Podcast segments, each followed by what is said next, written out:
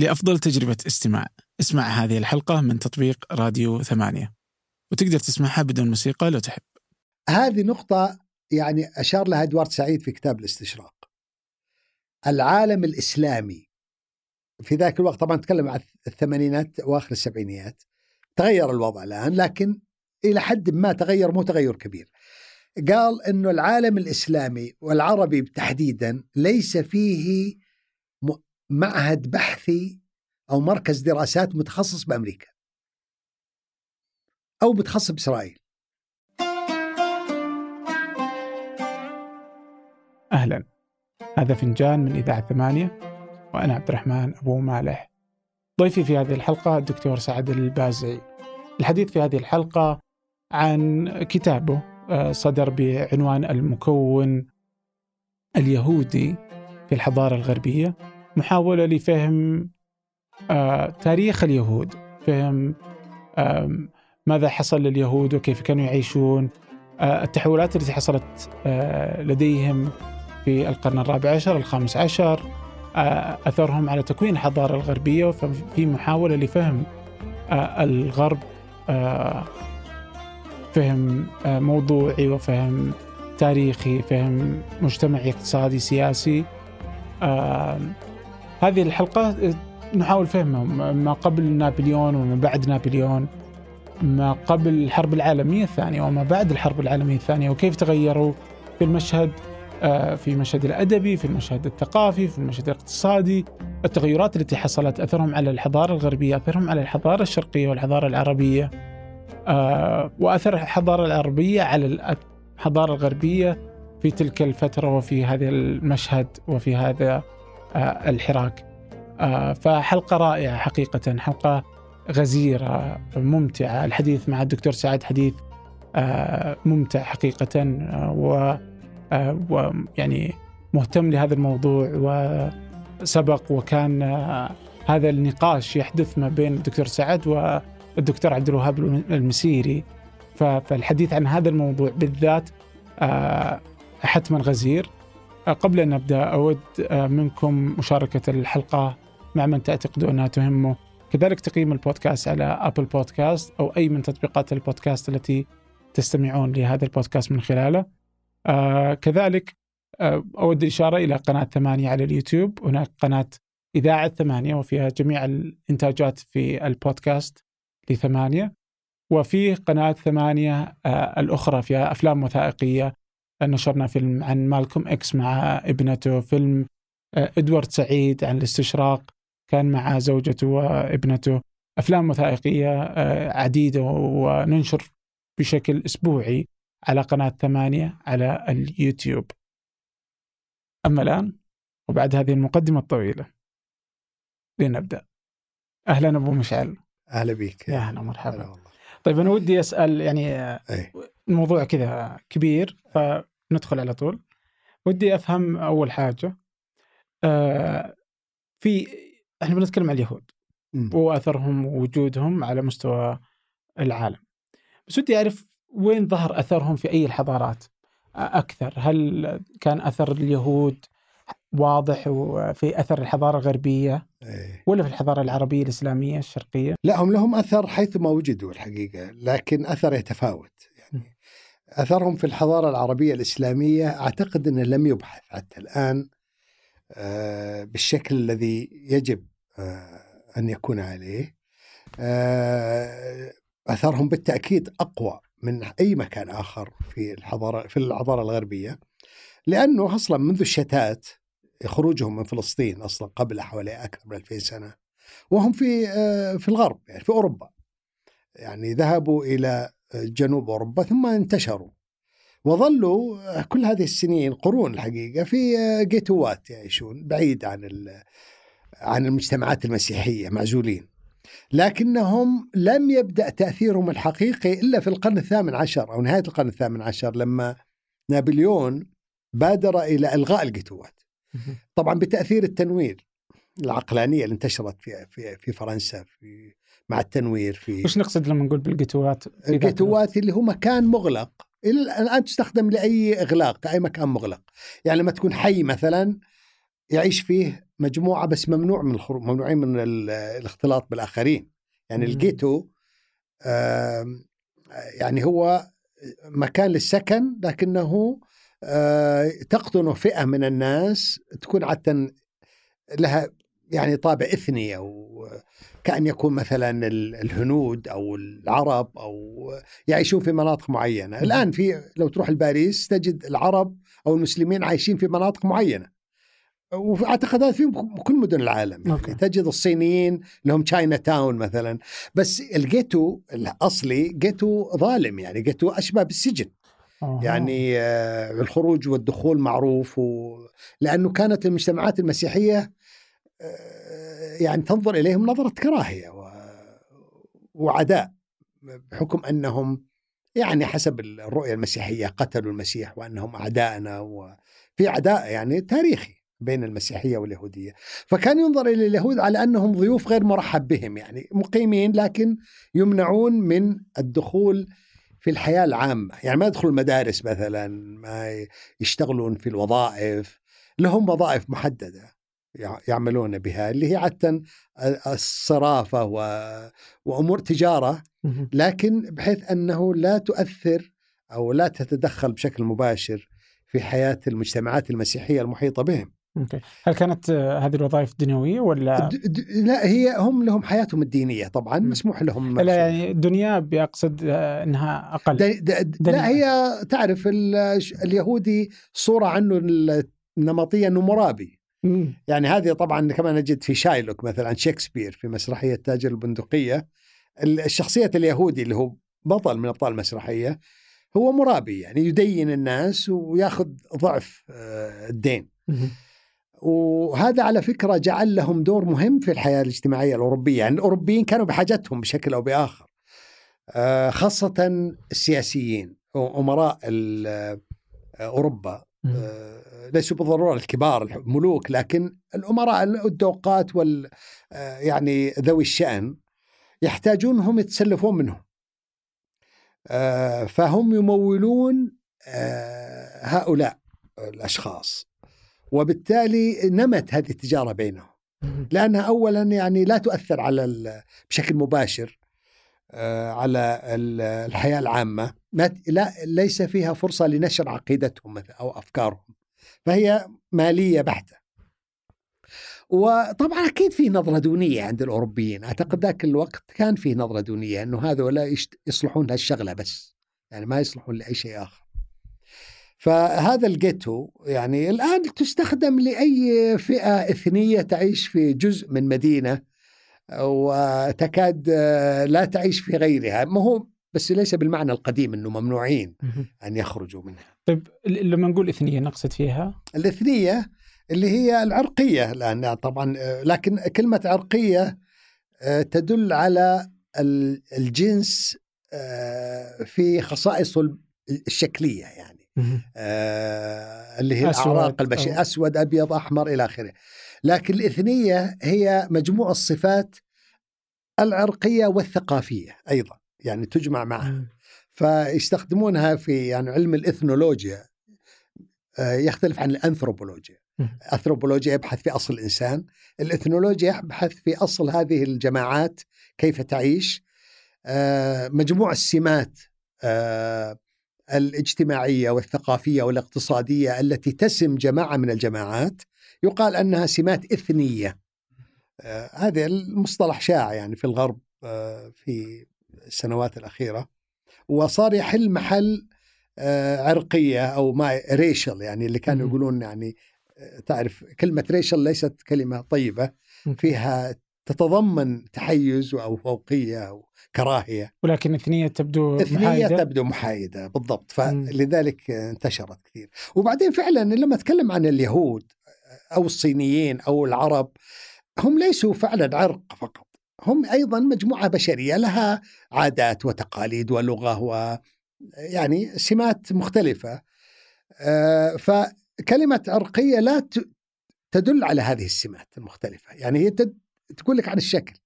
لذلك إحنا بحاجة إلى مصطلح يحمل هذه الدلالات معا. فعندما نذكرها تكون كل هذه الدلالات تأتي تأتي معها فتكون آه، يعني معدل الدلالي أو المستوى الدلالي للمصطلح أعلى من يعني مصطلح آخر. طيب الآن ال- اليهود موجودين في أوروبا بهذا الشكل يعيشون في أماكن محددة وبنطاق لا، محدد الآن أو تقصد في الماضي ذاك نعم، الوقت نعم.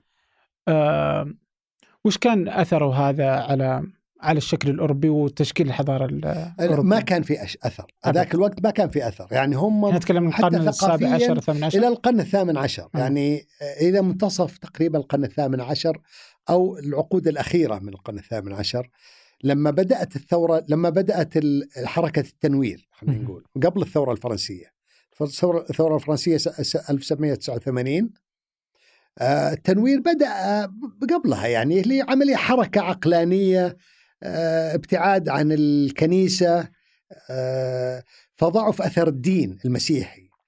وبدأت المجتمعات تتعلمن يعني تأخذ بعد علماني أكثر قوانين آه، بدلا من ال- أثر الكنيسة السابق. فهذا فتح المجال لهؤلاء أن يدخلوا. يعني لم يعد هناك عائق مثل ما كان من قبل. يعني لم تعد الكراهية العقدية أو ال- ال- آه، قائمة مثل ما كانت الدينية يعني. فإلى ذلك الوقت كان اليهود يعني منشغلين بحياتهم الخاصة يعيشون فقط يعني يريدون أن يعيشوا. يعني ما كان في. صدامات كان ما يعني هم برا في في صدامات. طوال العصور الوسطى العصور الوسطى مليئة بدموية الحقيقة. بين اليهود والمسيح؟ إيه لأنه الكراهية كانت نعم الكراهية كانت آه. عالية. فلما يحصل تسمم مثلا في قرية في أوروبا الت- الاتهام يتجه إلى اليهود. أكيد أنهم هم الذين وضعوها. يعني نظرية المؤامرة الآن نتكلم عن نقولها يعني. فيقولون أن اليهود هم الذين سمموا المياه مثلا. هم الذين جابوا جابوا الطاعون الأسود. الطاعون اللي انتشر في أوروبا في القرن الرابع عشر تقريبا الميلادي ومات ثلثي سكا- سكان أوروبا ذاك الوقت. ثلثي سكان أوروبا آه. تخيل. آه طبعا الطاعون. مثل الآن نظرية أن الصينيين أكلوا خفافيش يعني نظرية ال- أحد متقصد يعني. أوكي. إيه. فاليهود كانت تلصق بهم التهم بسرعة. كان أي مشكلة؟ وح- إيه نعم. إعدامات وإبادات وقتل بشكل م- إجرامي. يعني وكانوا يتهمون إنهم يأكلون البشر يأكلون الأطفال.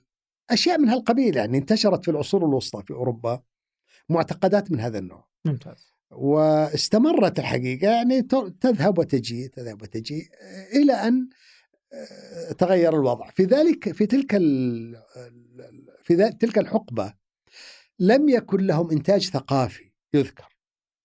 كان كانوا منشغلين بالبايبل بالتوراة والتلمود والتفاسير آه، يعلقون عليها ويقرؤونها ويعني منشغلين بكتابهم الديني فلم يكن لهم حضور في تأثير ما كان لهم حضور ثقافي فكري ابدا هو بدأ هذا التغير وأثرهم الحقيقي مع انفتاحهم أو انفتاح المجتمع عليهم المجتمعات الأوروبية أوكي. يعني بالذات في في بلدان مثل هولندا و فرنسا وألمانيا هولندا كانت أسبق الحقيقة إلى هذا وش. السبب اللي خلى هولندا؟ هولندا يعني يعزى السبب إلى الآن على فكرة. هولندا الآن من أكثر الدول الأوروبية انفتاحا يعني و, و وتسامحا في, في الأديان وفي العادات وفي التقاليد وحتى في الحريات الفردية. ونفس نفس مع أمستردام مثلا أي نوع. من المدن هي. آه الهولنديين يقال إنهم رحالة بحارة. يعني هي دولة بحرية أصلا. وتسمى الأرض المنخفضة لأن الماء كان يعني يأتيهم كثيرا ويؤثر على ال- الأراضي. آه، فهم بحارة وبالتالي عرفوا العالم أكثر، مم. يعني وصلوا إلى مناطق كثيرة ما أدى إلى انفتاحهم على العالم وتقبلهم للاختلاف. آه، في الغالب ال- ال- الشعوب والمدن التي على على الموانئ على البحار في الموا... لها موانئ يعني تكون أكثر تسامحا. مع الآخر. لأنها تختلط أكثر بالآخر. فهي مضطرة إلى تقبل المختلف. من المناطق المنغلقة في إذا تكون بعيدة عن هذا الاخت- الاختلاط. فالهولنديين اشتهروا تاريخيا. يعني من القرن جاءتهم آه، و- جماعات يهودية من أسبانيا والبرتغال. في القرن في القرن الخامس عشر تقريبا لما تعرف لما طرد العرب والمسلمين طردوا من إسبانيا هذا كان متى؟ في القرن الخامس عشر. يعني 1451 أو 1450 تقريبا صدر البيان الإسباني بعد انتصار الإسبان على أو طردهم للمسلمين واحتلال أخذهم للأندلس. طردوا أيضا الجماعات اليهودية وليس فقط العرب. طردوهم. يعني وبعضهم والذين بقوا أجبروهم إما يدخلون في المسيحية أو يقتلون. يعني ما ما في خيار. فبعض كثير منهم ها- راحوا. وين راحوا؟ أكثر راحوا لهولندا. مسلمين و الم- المسلمين لا المسلمين راحوا لديارهم. مم. اليهود ليس لهم ديار أصلا. فذهبوا إلى أوروبا. مم. وين أوروبا؟ ذهبوا بالدرجة الأولى إلى هولندا التي اكتشفوا أنها أكثر تسامحا. أو تقبلا لهم يعني على الأقل. ما كان في محبة يعني و... لكن كان فيه قبول يعني وممكن والهولنديين عقليتهم تجاريه فكان ممكن الاستفادة منهم بشكل أو بآخر. وظهر سبينوزا بالمناسبة يعني هو العلم الأكبر في تلك الفترة. سبينوزا هو من جماعة من اليهود المارانيين يسمونهم مارانيين.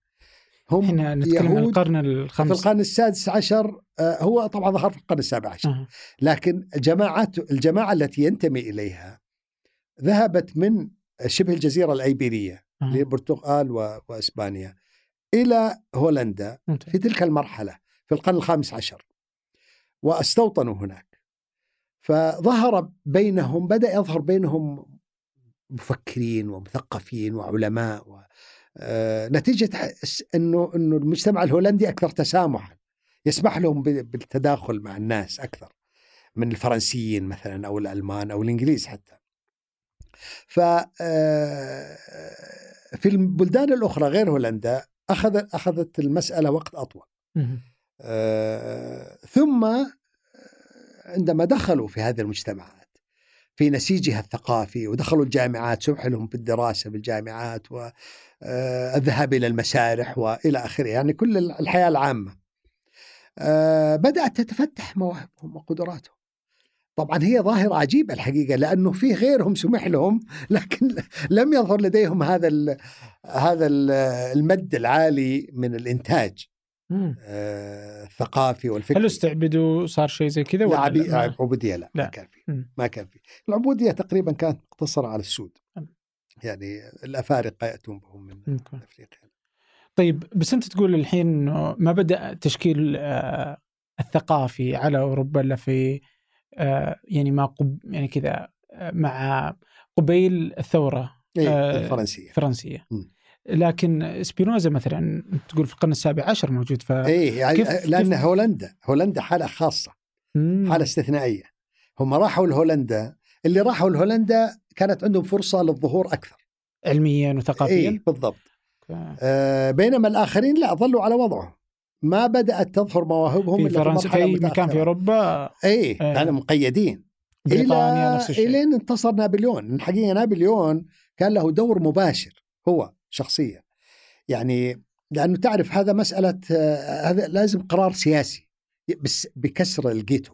بالسماح لليهود بأن يأتوا ويقيموا. كانوا ممنوعين من الزراعة مثلا. ما ما مسموح لهم يمتلكون أراضي آه، زراعية. ما مسموح لهم يسكنون في المدن الكبرى. آه، ما مسموح لهم يمارسون أنواع من التجارة المتاحة للأوروبيين. فمع التغيير يعني طبعا في هذه الحالة نتكلم عن الفرنسيين،. سمح لهم بأن يمارسوا وظائف كثيرة. لكن ظل التوتر قائم، يعني آه، لم ينتهي فجاه يعني بين يوم وليلة وصاروا عاديين، لا. ظل التوتر وظلت الكراهية مستمرة. ولم يدافع عنهم إلا الأكثر انفتاحا والأكثر آه، يعني آه، تسامحا ويعتبر يعني مف- المفكرين والأدباء الكبار يعني الذين استوعبوا هذا آه، هذا الاختلاف وقبلوه. ف آه، يعني يذكر تذكر مثلا قصة آه، فيلسوف ألماني يهودي في القرن الثامن عشر وليس في القرن السابع عشر يعني بعد سبينوزا بقرن تقريبا اسمه موسى موسى مندلزون موسى مندلزون. اسمه طبعا موزس أو عند أن يعرب إلى موسى.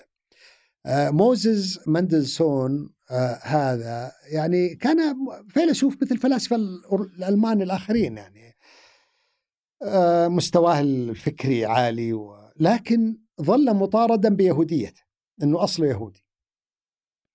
فهناك قصة شهيرة عن عن أحد المثقفين الألمان في ذاك الوقت. تحداه. قال له إذا كنت أنت يعني تقول أنك منفتح وفيلسوف وعقلاني تؤمن بالعقل آه لما لا تتخلى عن يهوديتك وتدخل المسيحيه فطلب منه الدفاع عن انتمائه اليهودي على أساس إنه غير مبرر يعني هذا دين انتهى وجاءت المسيحية وقضت عليه ولم يعد صالحا. فانت استمرارك فيه وانت إنسان عاقل ومثقف آه، غير مبرر. فهو دخل في أزمة آه، فكرية ووجودية الحقيقة. اضطرته أن يكتب يؤلف كتاب حول القدس يعني عنوانه كذا القدس. آه، برر فيه لماذا اليهودية دين عقلاني؟ يعني أبرز فيه الدين اليهودي على أنه دين عقلاني بل أقرب إلى العلمانية. يعني تقريبا بالغ في وصف اليهودية لكي يثبت أنه أن يهوديته لا تتناقض مع عقلانيته. فهذه القصة الشهيرة يعني نموذج لما يحصل حتى في الحياة العامة يمكن. الناس البسطاء كان يقال لهم هذا الكلام بالتأكيد. ف آه، لكن لا, لا نعرف عن هذه الحكايات البسيطة. ولا متأكد أنه الجار قد يكون يعني واحد ألماني مسيحي كاثوليكي أو بروتستانتي يسكن جنبه واحد يهودي تبدأ مشاكل تبدأ التوتر. وربما آه، حصلت مشاكل كثيرة من هذا النوع. بس لأنه هذا فيلسوف ومشهور آه، عرفت هذه القصة. نعم.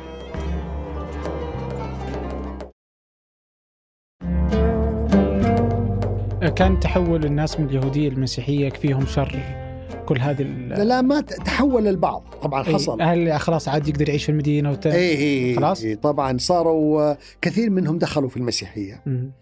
آه وكثير منهم ظلوا يهوديين يهود عفوا لكن آه يسمونهم آه اليهود الإصلاحيين Reformed آه Jews يعني كأنهم يهود آه عدلوا في عقيدتهم إلى درجة الانسجام مع الثقافة المسيحية.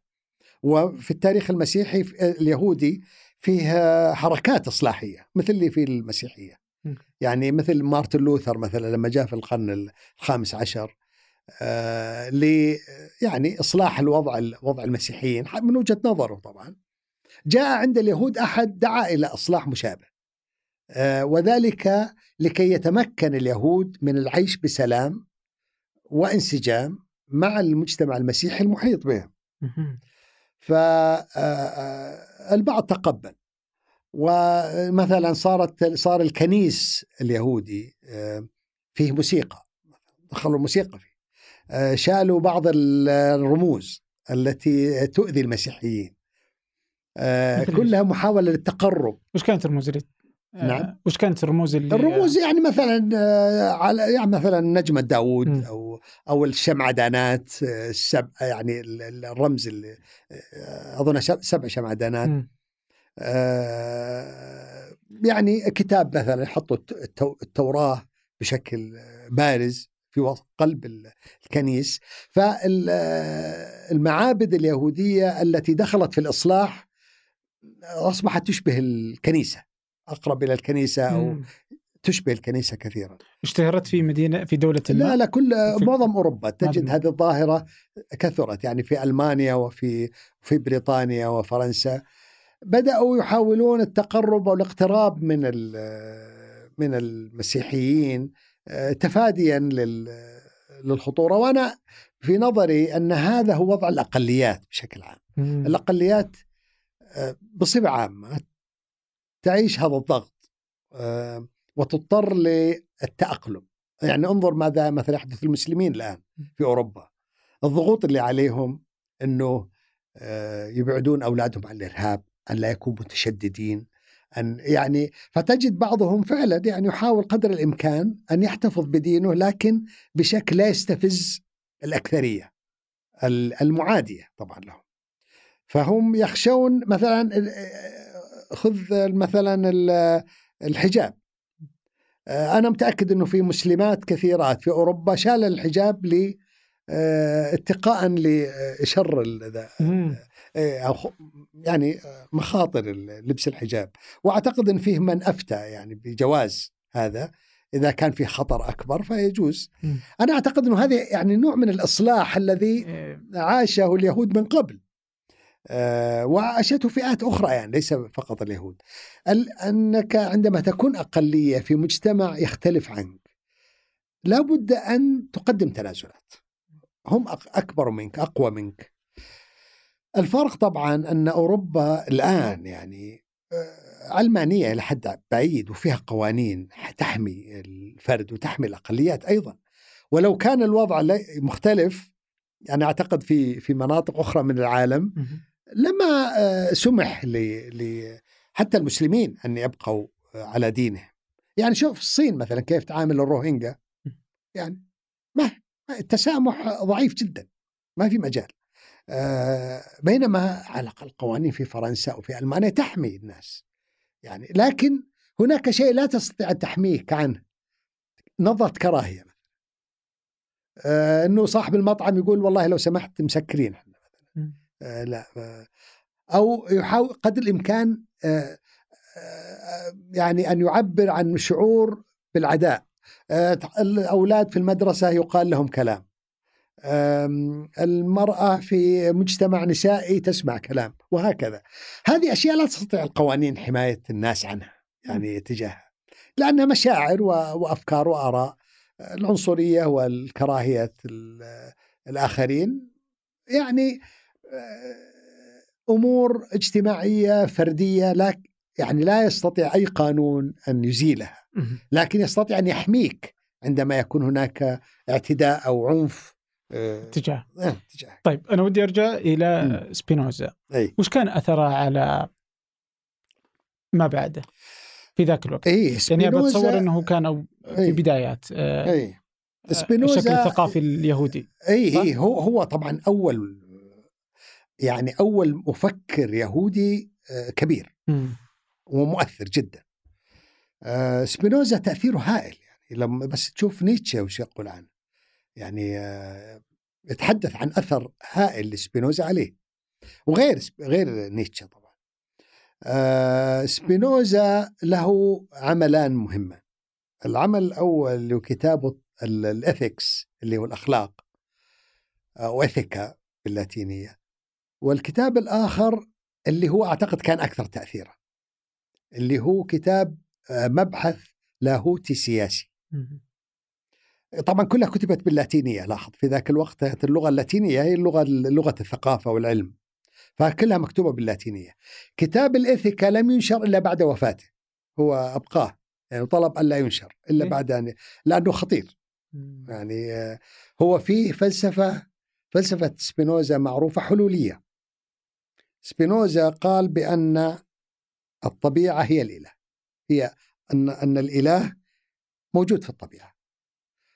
وبل إننا نحن نملك طبيعة الطبيعة البشرية. إذا نحن فينا أيضا هذا العنصر الإلهي. اللي هو طبعا كلام موجود عند الصوفية من قديم ليس جديدا يعني عند ابن عربي وعند الحلاج يعني الحلولية معروفة في في التاريخ الصوفي. لكن هو فلسفها. وحولها إلى إلى فكر فلسفة. وليست مجرد يعني آه، شطحات صوفية أو يعني عبادة أو دين. آه، فهذا الكلام خطير. خطير من م. تقبل اليهود لها والمسيحيين كلهم. كلهم. اي هو بدأ يعبر عن ارائه كلاما في البداية قبل أن تقرأ هذه الكتب. فغضب اليهود منه كبارهم وقالوا إنك أنت الآن بتخلق مشكلة بيننا وبين المسيحيين. وحنا يعني ما صدقنا على الله تزيل العلاقات. فهو اراءه متطرفة كانت فطردوه من المجتمع اليهودي. طردوه طرد ببيان رسمي يعني تبرؤ منه علني وممنوع أن يدخل أي كنيس أو يدخل أي يعني مطالبة اليهود بعدم الاتصال به. خلاص هذا الشخص منفي تماما. وهذا آه، لما بدأ يعبر لم يعني تعرف آه آراءه يعني هذا بالكلام بس. لكن فعلا الكتب آه، خاصة المبحث اللاهوتي السياسي الكتب تحمل هذا الفكر بشكل منظم ودقيق. الكتاب المبحث اللاهوتي السياسي هو بحث في يعني ديني الحقيقة. آه، يعني علاقة الدين بالسياسة. علاقة آه، الكتاب المقدس بالمجتمع آه، واللي اللي سواه الحقيقة هو بدأ شيء يسمونه نقد الكتاب المقدس. يعني نظر الكتاب المقدس نظرة بعيدة عن التقديس نظر إليه ككتاب وحلله وذكر فيه يعني الأشياء الجيدة وذكر أشياء سلبية فيه أخطاء وفيه وفيه خزعبلات وفيه أساطير. قال هذا الكلام. طبعا هذا الكلام كان يردده في في مجالس لكنه مكتوب. فهو بدأ هذا هذا أول التأثير على فكرة. بدأ اتجاه في التعامل مع الكتاب المقدس لم يكن المسيحيون ليجرؤوا عليه إلا بعد فترة في القرن الثامن عشر. بدأ ما يسمى بنقد الكتاب المقدس اللي هو النظر إلى الكتاب المقدس على أنه أدب وليس نصا لا يجوز آه، المساس به أو المس يعني نقده أو التعليق عليه بطريقة كما لو كان نصا بشريا. هو قال هو نص بشري وله عبارة أذكرها الآن يقول يعني نحن اليهود آه، فينا ناس تكذب. وبعض هؤلاء الذين في في التوراة يعني ما ما أثق فيهم. قالوا أشياء خزعبلات وعجائب ما أعتقد إنها حصلت. يعني دعا إلى نوع من العقلانية الصارمة في التعامل مع شيء مقدس وغيبي. فهذا بالتأكيد أغضب الجميع يعني لا مسيحي ولا يهودي. اي احسني أفهم كيف كلام يعني ما يمكن قبوله ابدا مع إنه يحتفظ بأنه جاد ويستخدم الكلام اللي يدل على إنه مؤمن بوجود الله. هو ما هو إنه مو مؤمن أو ملحد لا. بس ال ال ال الكلام على الحلولية هذا يجي فين؟ يجي في الكتاب الآخر في الإثكس آه، كتاب الأخلاق. آه، لأنه آه، أيضا هذا أثر آخر. يعني تعرف الحلولية هي الحقيقة إلغاء للمسافة إلغاء تماما بين بين الذات الإلهية وبين العالم بحيث أنه لم يعد هناك إله. يعني إذا أنت أنزلت الإله إلى الطبيعة لم يعد هناك حاجة إلى السماء. خلاص الطبيعة عندك وموجود. فتكون الطبيعة هي الإله. وتكون يكون الانسان إله أيضا امتداد يعني لهذه الألوهية يحمل هذه الألوهية. فهذه هي قمة العلمنة. يعني العلمنة كما يسميها عبد الوهاب المسيري الله يرحمه هذه العلمانية الشاملة وليس الجزئية اللي هي فصل الدين عن الدولة. لا الشاملة كل شيء يصبح يتصل بهذه الدنيا. لا ليس هناك شيء شيء آخر نأخذ منه تعاليم أو أو أو نطيعه أو نصلي له أو إلى آخره. ف آه، لا أعتقد إنه سبينوزا أراد هذه النتيجة بالضرورة كل هذه النتائج لكنه الحقيقة وضع الأسس لهذا الاتجاه ضخم أثر في الفكر الغربي فيما بعد. ولم يجرؤ المفكرون الغربيون على تبني هذه الآراء إلا في مرحلة متأخرة. يعني لما تجي نيتشه مثلا يقول لك مات موت الإله. نيتشه هو أول من قال بهذه العبارة الخطيرة. طبعا لما قالها ما قالها أنه يعني ينبغي أن يكون يقول هذا اللي حصل في ثقافتنا لم يعد هناك إيمان. آه، يعني يقرر حقيقة يراها ماثلة أمامه. آه، ف يعني حتى ديكارت مثلا ديكارت معاصر لسبينوزا أو قبله حتى. يعني ديكارت يعني أعظم أثرا في تاريخ الفكر الغربي. لكن ديكارت يدعو إلى عقلانية آه، معروفة يعني هو يعني فيلسوف العقلانية لكنه مؤمن وظل كاثوليكي وظل يدعو إلى الإيمان بالله والى احترام الكنيسة. بينما سبينوزا أخذ الخطوة الأخرى اللي هو يعني عقلانية لكن بدون أي نوع من الإيمان الغيبي.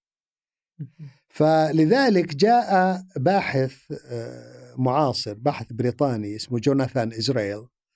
هذا آه، طبعا من اسمه يدل يهودي. آه، وألف كتاب عنوانه التنوير المتطرف. ليميز بين التنوير المعروف اللي عند مونتسكيو عند مثلا جان جاك روسو فولتير اللي هو يعني معتدل يعتبر. قياسا إلى التفريق بينه وبين تنوير سبينوزا آه. اللي هو تنوير لا يهادن خلاص نهائي قطع كل شيء. العقلانية المفرطة البال يعني إلى الحد الأخير. ف آه، فيرى أن التنوير بدأ من قبل لكنه لم يتبنى. الأوروبيون لم يتبنوا تنويرية آه، سبينوزا أو عقلانيته لأنهم ظلوا مرتبطين بثقافتهم المسيحية بشكل أو بآخر. آه، أو أكثر ارتباطا من سبينوزا حتى اليهود ظلوا مرتبطين. يعني مثل هذا مندلزون ظل يهوديا يعني ما هو ما انفصل مثل سبينوزا. هذا الشخص كان آه، فعلا ظاهرة استثنائية في ذاك العصر. في القرن السابع عشر أن تجد أحد يقول هذا الكلام. okay. آه. طيب أنا ودي أنتقل الحين إلى أي. إلى كذا بمشي إلى نابليون. وواضح إنه هو اللي أول من آه، خطى خطوة سياسية قوية أثرت في شكل وجود بالضبط. اليهود اوروبيا بس وش دوافع نابليون؟ نابليون أنا أتوقع إنه دوافع اقتصادية وسياسية. اولا إنه صاروا عبء على المجتمع، يعني عبء آه، إنك عندك بين ظهرانيك جماعات مقيمة عاطلة لا تفيد بشيء لا, لا تنفع وأراد أن يدمجهم في المجتمع الفرنسي لأسباب ربما تكون اقتصادية بالدرجة الأولى يعني على الأقل استفادة من الثروة التي لديهم تنفع الاقتصاد. آه وثانيا أنه لم يعد هناك مبرر فكري أو ثقافي لعزلهم للاستمرار في عزله. يعني لم يعد الناس متدينين مثل ما كانوا، يعني الخوف اللي كان موجود الحساسية المفرطة تجاه اليهود ضعفت كثير صار الناس الآن يعني لا يهمهم الكنيسة مثل ما كانت تهمهم من قبل في العصور الوسطى أو حتى في حتى في عصر النهضة. فزالت مجموعة من الأسباب وظهرت أسباب تجعل فتح هذه المغاليق أو هذه الجيتوات كما ذكرنا آه، فتحها صار ضرورة يعني والإبقاء عليها غير منطقي وغير مبرر لا يمكن الدفاع عنه فهو يبدو لي أنا أراد أن نستفيد من هذه الجماعات بشكل أو بآخر. وانتقلت من فرنسا أيه بشكل أيه. تدريجي سريع أيه تدريجي ولا؟ نعم لأنه هو احتل العالم تقريبا هو نابليون احتل ألمانيا واحتل هولندا واحتل يعني ما خلى أوروبا تقريبا ما عدا بريطانيا هي التي لم يستطع أن فايش كان موقف بريطانيا من اليهود اذا؟ البريطانيين من القرن السابع عشر كانوا يصارعون الحقيقة أو آه، يعني يحاولون أن يجدوا حل لليهود. لأن عندهم يهود كثير مقيمين في بريطانيا وكانوا أيضا معزولين. لكن بدأ التغير يحصل لأنه حتى بريطانيا مرت بالتنوير أيضا. ف آه، تدريجيا آه، بات الإبقاء على وضع اليهود كما كان آه، غير مبرر. لكن هذا قبل نابليون طبعا. بدأت العملية في القرن الثامن عشر.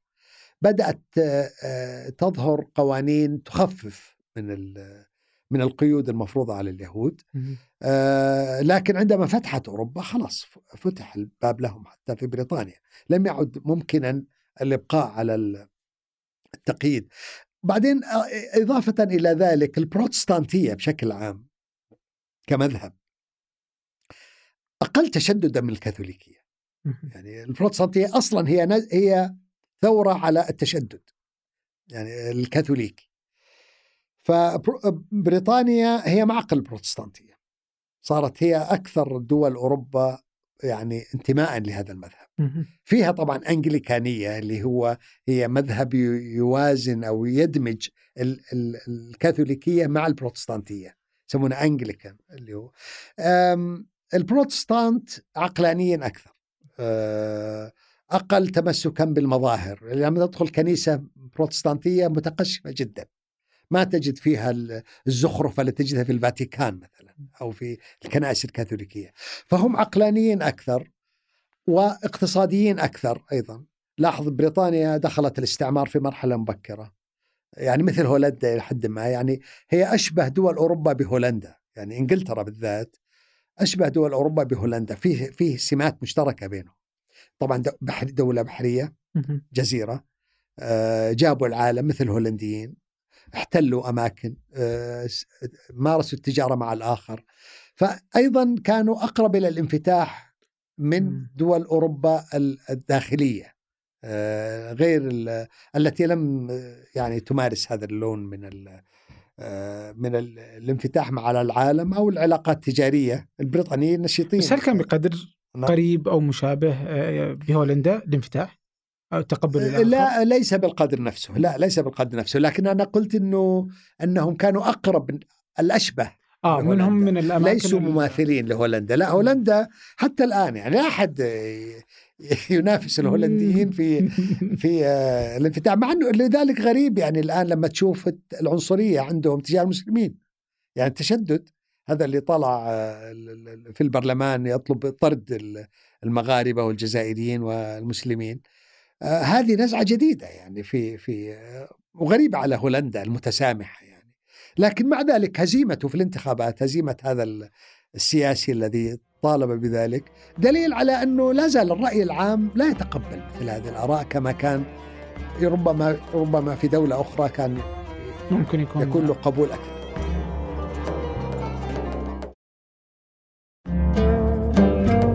طيب أنا ودي الحين ما بعد آه، نابليون. يعني آه، الآن في تصوري بهذا الحديث يبدو كأن كأن الحياة بدأت آه، تزدهر لليهود وأن اليهود بدأوا يأخذون حظهم. لكن في نفس الوقت أحس انه مو بالضرورة كما يصور. يعني لا تزال اليهود يعني اللي يدلك على أنه وضعهم ما كان يعني ظل عرضة للانقلابات ما حصل في الحرب العالمية الثانية. أي ف... فكيف كان هذا المشهد؟ أي. أنا بتكلم مع نابليون إلى مم.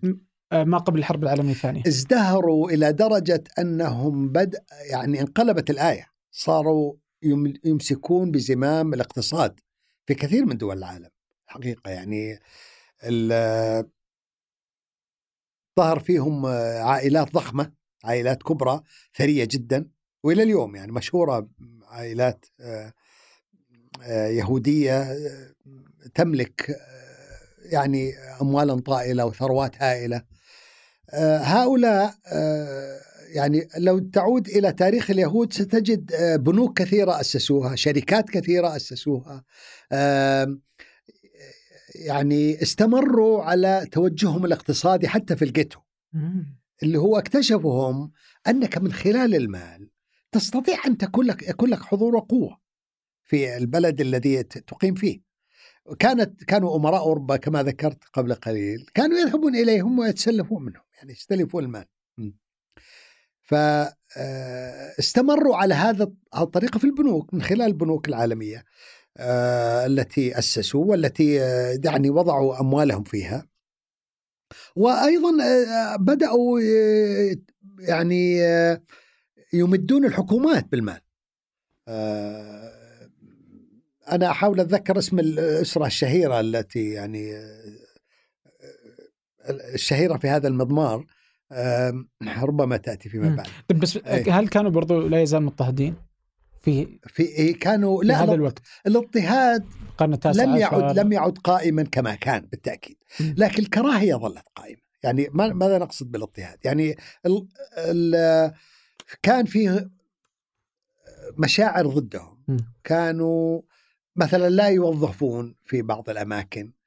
صاحب مطعم مثلا ما يعين يهودي صاحب آه، دكان ما يعين كذا آه، صاحب شركة يحاول أن يتفاداهم قدر الإمكان. فهذا نوع من الاضطهاد لكن اضطهاد ضمني وصامت. يعني ليس كما كان من أول اضطهاد حكومات يعني أو قتل أو عنف آه، علني يعني كما كان يحصل في الماضي. أذكر في هذا السياق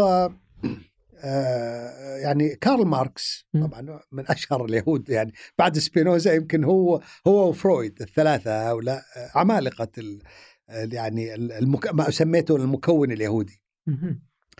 ماركس آه، اضطر أن يدافع عن نفسه فترة طويلة وظل يطارد بيهوديته حتى في ألمانيا. وليش راح لبريطانيا؟ وذهب إلى بريطانيا لأنه الأجواء فيها أكثر حرية. مم. يعني لما ذهب في نهاية القرن التاسع عشر آه، في أواخر النصف الثاني من القرن التاسع عشر. ذهب إلى بريطانيا آه، لسببين. طبعا السبب الأول هذا الجانب ال- آه، يعني المواقف ضده أنه فيه آه، كثيرون كانوا يكرهونه ويكرهون اليهود بصفة عامة. آه، الثاني هو طبعا ال- الفرص البحثية يعني كان ذهب إلى ال- المتحف البريطاني مكتبة المتحف. وأنجز فيها رأس المال يعني كتاب كتابه الشهير رأس المال كتبه في مكتبة المتحف البريطاني وحتى المشهور معروف المقعد الذي كان يجلس عليه. فماركس ألف في الدفاع عن اليهود وكتب عن ما يسمى بالإصلاح اليهودي. آه، فله كتاب حتى مترجم إلى العربية حول هذه الإشكالية إشكالية آه، تقبل اليهود في المجتمعات ال- الغربية. ويبدو أنه هو أيضا تعرض إلى موقف شبيه بموقف مندلزون في القرن الث- الثامن عشر. قرأ آه، لبعض الكتاب الألمان ال- المتدينين إلى حد ما آه، نقدا لليهود واتهاما لهم. فألف الكتاب يدافع عن عنهم وتحدث آه، من أوائل من تحدثوا عن حقوق الإنسان. مفهوم حقوق الإنسان. لكنه آه، في الكتاب آه، أذكر أنه آه، قال أنه ينبغي أن يكون لدينا حقوق المواطن وليس حقوق الإنسان. لأن حقوق الإنسان حقوق تجريدية مجردة للجميع. يعني كأنك تدافع عن حقوق الإنسان لا تلزم نفسك بأحد معين. لكن لما تقول حقوق المواطن فأنت يا حكومة ألمانية ملزمة بالمواطنين اليهود أيضا وليس الإنسان في الكونغو مثلا أو في الهند ها؟ ف فلذلك دافع عن حقوق المواطن آه، أو المواطنة. آه، وطبعا معروف ماركس يعني آه، لم يؤثر أحد في يمكن في التاريخ فكريا أحد أثر في في العالم بقدر ماركس. يعني أثر يعني في حكومات وأنظمة ودول نشأت على النظام الشيوعي. يعني. معروف هذا فهذا الرجل أيضا أثر تأثير هائل لكن طبعا السؤال ال- الخلافي آه، حتى بيني وبين عبد الوهاب المسيري الله يرحمه إنه إلى أي حد نعتبرهم يهود هؤلاء مم. يعني صحيح ماركس آه، ألماني آه، أصله. يهودي صح لكن وش دخل اليهودية في رأس المال؟ وش دخل اليهودية في كتبه مثلا؟ وش دخل اليهودية في منتج فرويد مثلا؟ في فكر فرويد هنا نقطة الخلاف أنا أقول إنه ال- العنصر اليهودي له تأثير. عبد الوهاب يقول لا؟ يقول لا. يقول. آه، ما له ما له علاقة. منتجهم الفكري هو منتج ألماني أو آه، آه، فرنسي أو إنجليزي يعني متأثر بالثقافة أكثر ما هو متأثر بالإن- بالانتماء الإثني بالإثنية. أنا أقول العنصر الإثني لا مؤثر. هذا هنا الخلاف طب دقيقة آه، فعبد الوهاب المسيري ما كان يشوف مثلا في شيء اسمه ثقافة يهودية يعني أنا قد لا أكون متدين يهوديا ولكني مث... يعني ثقافتي يهودية آه، هو يرى أنه اولا التأثير بدأ متى؟ بدأ يعني مع واحد زي فليس. بالضرورة أن أكون أي. يهودي ال- الدين, الدين، زي لا. اليوم لا لا, لا. يعني مئات الناس اللي موجودين يهود, يهود لكنهم مجرد ثقافة إي بس هو يقول إيش إن اليهود اندمجوا في المجتمعات التي عاشوا فيها خاصة المثقفين والمفكرين مم. اندمجوا إلى درجة إنه لم تعد اليهودية العنصر اليهودي مؤثر في حياته يعني فرويد مثلا نمساوي قح حسب مم. هذا الرأي نمساوي ألماني يتحدث الألمانية ويعرف الفلسفة ويعرف تاريخ علم النفس ودرس في الجامعات ولغته ليست العبرية ولا يقرأ البايبل يمكن إلا نادرا أو ما له علاقة يعني إلا كان من ناحيه ثقافيه فكيف ننسب إليه التحليل النفسي نقول ان أنه يهودي آه، يعني التحليل النفسي أو تفسير الأحلام أو كتبه الشهيرة مم. يعني أنها لم تكن لتولد لو لم يكن يهوديا هذا يعني يرى البسيري إنه هذا القول غير صحيح غير صحيح غير كيف صحيح. أنت تشوفه طيب؟ أيوه أنا طبعا الكتاب هو جدل في الاتجاه المخالف مم. آه أنا أقول إنه اولا كون كون اليهود أقليات فرويد وغير فرويد على الرغم من أنهم اندمجوا في المجتمعات الألمانية ظلوا دائما يذكرون بانتمائهم اليهودي. لم يستطيعوا أن يكسروا هذا الحاجز أو يندمجوا مئة بالمئة. فلما جات جاء هتلر أول من تقصد هم يعني حتى فرويد كان يعرف أن هناك حركة مضادة له ويعرف حتى في المجتمع النمساوي مع أنه منفتح يعني مجتمع منفتح أيضا على فكرة فيينا كانت أكثر مدن أوروبا انفتاحا يعني في في في منتصف القرن التاسع عشر ونهاية أو بداية القرن العشرين. لكن مع ذلك كان هناك دائما ما يذكر فرويد بأنه يهودي. وطبعا كتاباته وأنا اتكأت على كتاباته وعلى رسائله. فيه له عبارة استشهد بها هنا لو لم أكن يهوديا لما استطعت أن أكتب كذا وكذا. كذا بهذا بهذا بهذا التعبير يعني. آه وفيه ما يدل على أنه كان يشعر بأقليته أو أقلويته. آه في النظرية نفسها في النظريات نفسها في نظرية الثورة على القوى الخارجية اللي تعرف نظرية فرويد تقول إن الإنسان يتكون من ثلاث عناصر اللي هي الأنا والأنا العليا والآخر اللي هو القوة الأخرى غير الأنا العليا الأنا العليا المجتمع الذي يقيدك والأنا هو الفرد. لكن في دائما قوة أخرى آه، مضادة اللي هي قوة آه، نسميها الشر أو الخوف أو يعني آه، النزعات الغريزية النزعة الغريزية طبعا بالدرجة الأولى. ف بعض الذين كتبوا عن فرويد وليس أنا فقط يعني ذكروا إنه إنه هذه هذا التفسير للإنسان هو تفسير إنسان مضطهد. إنسان يرى القيود. لأنه لماذا لم يخرج هذا التفسير من كارل يونغ مثلا؟ اللي هو زميل فرويد أو بل إنهما اصطدما يعني في مرحلة من المراحل يعني وافترقا. فهناك شواهد كثيرة. طبعا الكتاب لا أستحضر الآن كل الدلائل النصية وال argument اللي فيه حول هذا الموضوع. طيب لما صرت نعم. تقول مثلا آه، عبد الوهاب المسيري مثلا إنه كان كذا ينص نصا إنه أنا يهودي وهكذا. أيوه ما كان ما أظن عبد الوهاب يعني قرأ رسائل فرويد أصلا يعني. ما آه. كان اي وقد يفسر هذا الكلام على أنه آه، يعني ليس ملزما لي أنا كمف... كمحلل أن آخذ هذا الكلام. يعني هذا رأيه. هو آه. لكن أنا لما أقرأ كتب آه، فرويد مثلا الحضارة و, و... آه، وقلق قلق الحضارة لن أجد ما يدعم هذا الكلام. يعني و بس يعني أنا أعتقد إنه أيضا المسيري رحمة الله عليه كان يريد أن يزيل الأسطورة اليهودية. في أسطورة ان اليهود أذكياء وعباقرة. يعني هذه طبعا موجودة حتى في الغرب. أنهم نسبة الأذكياء بينهم كثير جائزة نوبل ينالونها بكثرة نسبة الذين فيريد أن يزيلها ليقول أن فرويد ألماني أصلا. يعني يريد أن يخفف من انتمائه انتماء فرويد لليهود أصلا. بنت فرويد على فكرة آن تعينت في إسرائيل. صارت أستاذة أستاذة في جامعة تل أبيب يعني وعالمة كبيرة هي في علم النفس حتى. وذهابها إلى إسرائيل يعني أحد الامتدادات لهذا الانتماء لأنه في نهاية الأمر على فكرة حتى اليهود الذين لم يكونوا يشعرون بيهوديتهم أو تهمهم حتى أرغموا على هذا الشعور. نتيجة العداء المحيط. يعني أنت تريد أن تنسى. تريد أن تكون أمريكي ألماني خلاص. يأتون يقولون لا ترى أنت أصلك وش اسم جدك؟ يطلع اسم جده مثلا موزز ولا كذا. أنتم أصلا يهود يعني في نهاية الأمر. فيرغمون على العودة إلى هذه الجذور. يذكرون بها باستمرار. كانوا يتملصون منها ولا؟ كانوا يتملصون. نعم يريد أن يغير أسا... غيروا أساميهم غيروا يعني كلش غيروا قدر الإمكان. وتشعر بالتعاطف يعني حقيقه مع مع بشر من هذا النوع يعني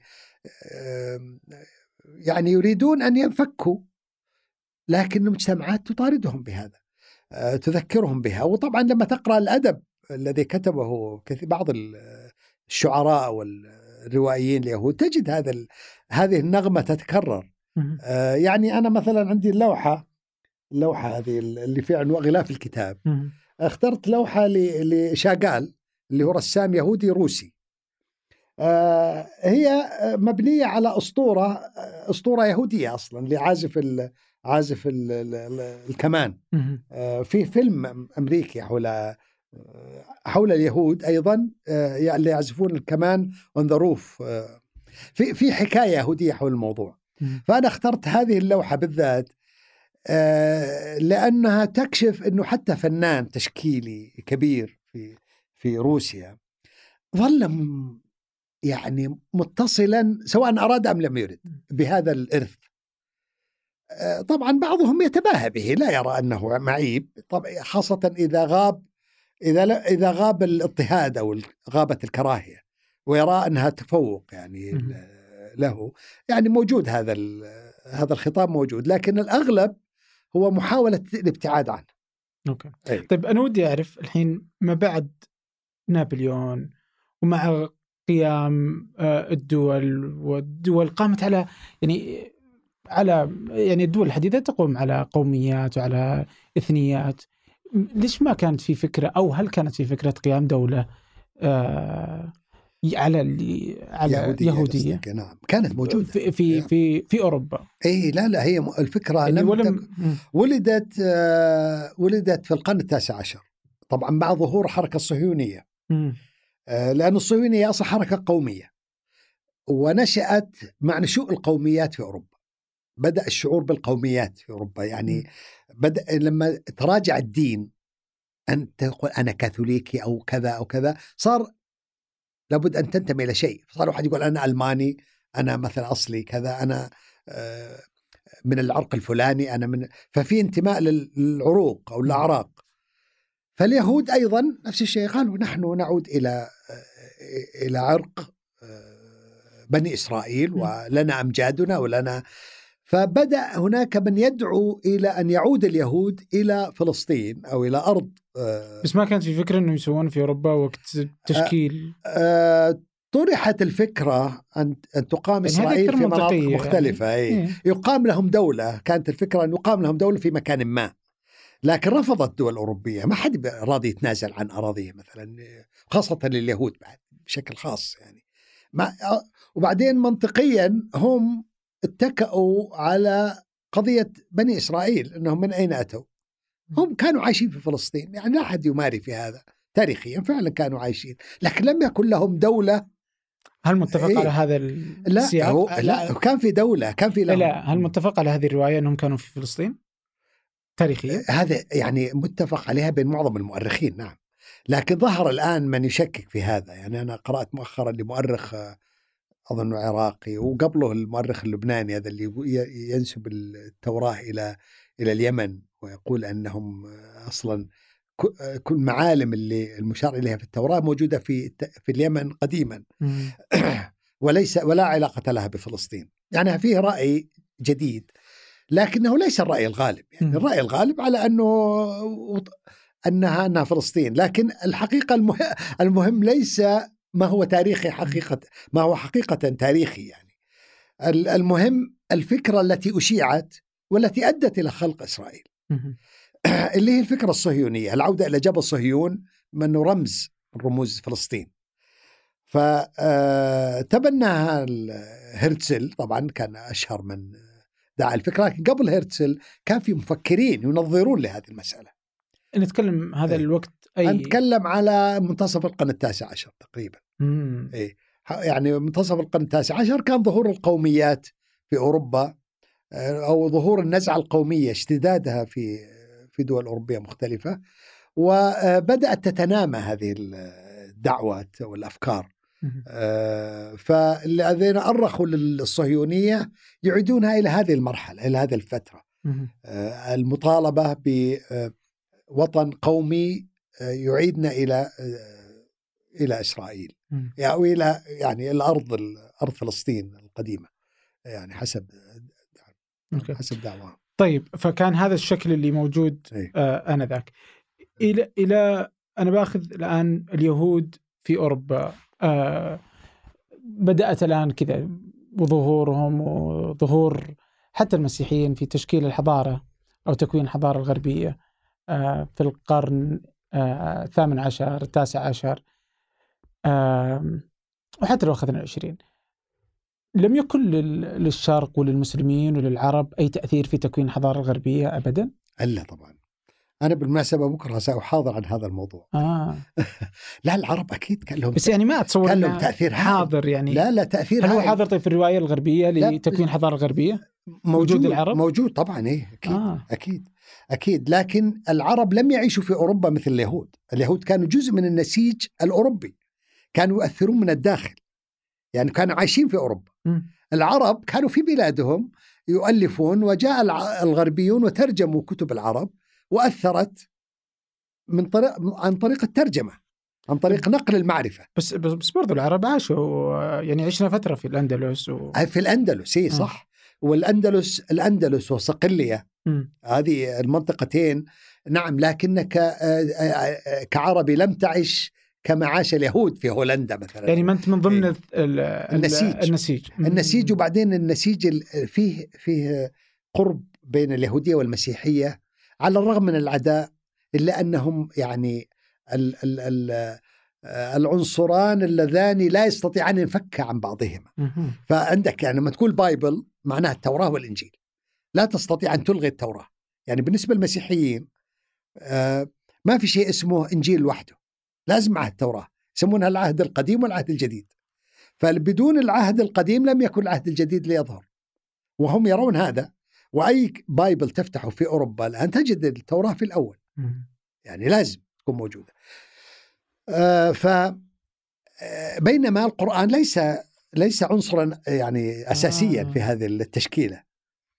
آه لكن طبعا الحضارة لن تكن مجرد يعني لن تكن فقط أديان يعني وتأثير ديني هي أيضا علوم وفلسفة وأفكار وأشياء مختلفة أخرى فالعرب دخلوا في تأثيرهم من هذه الزاوية أكثر من الزاوية العلمية الثقافية. آه، طبعا العملية بدأت بعصر النهضة يعني بداية عصر النهضة. لما بدأوا بدأت أوروبا تتفتح على العالم وجدوا أن العلم عند العرب. ما في علوم أخرى. ما في أحد عنده علم يعني يمكن يمكن أخذه من الآخرين سوى العرب. فبدأوا يرسلون البعثات إلى إسبانيا آه، وحتى في صقلية لكن إسبانيا بالدرجة الأولى. لتعلم العربية وترجمة الكتب العربية ف آه، العرب هل كانت بس مقتصرة على الصقلية آه، والاندلس؟ إسبانيا وصقليه بالدرجة الأولى نعم يعني كان يمكن مراكز أخرى صغيرة لكن آه. لكن أهم شيء كان صقلية لأنه صقلية حكمها ملك اسمه فريدريك الثاني في القرن الثاني عشر الميلادي هذا الرجل أعجب كثيرا بالحضارة الإسلامية وجمع عنده علماء آه، كثير من من المسلمين آه، والعرب في صقليه في البلاط مم. حتى أنه اتهم بالمروق عن الدين المسيحي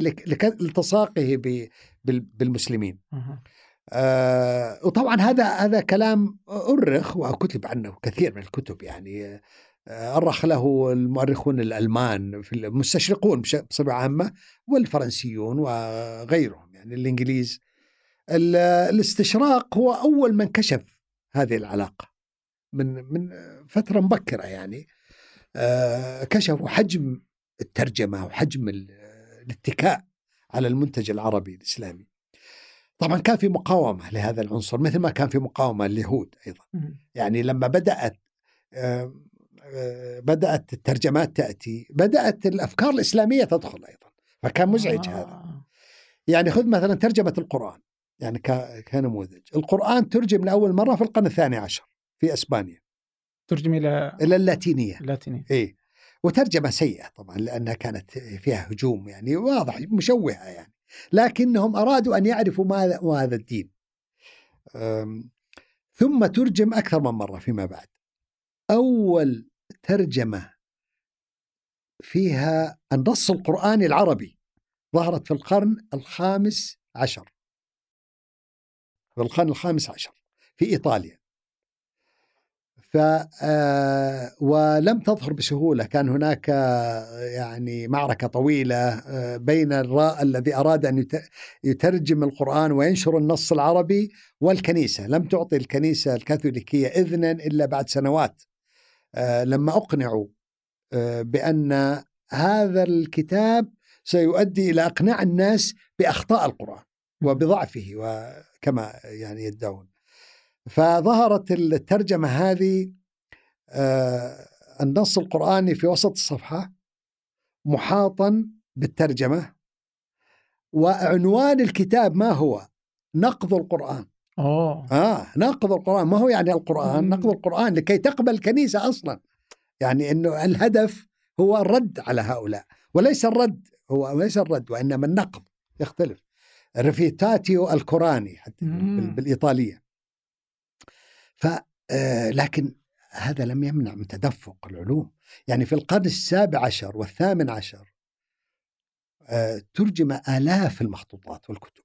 تعرف تراثنا إحنا عرفناه عن طريق الأوروبيين أصلا. تراثنا كنا غافلين عنه.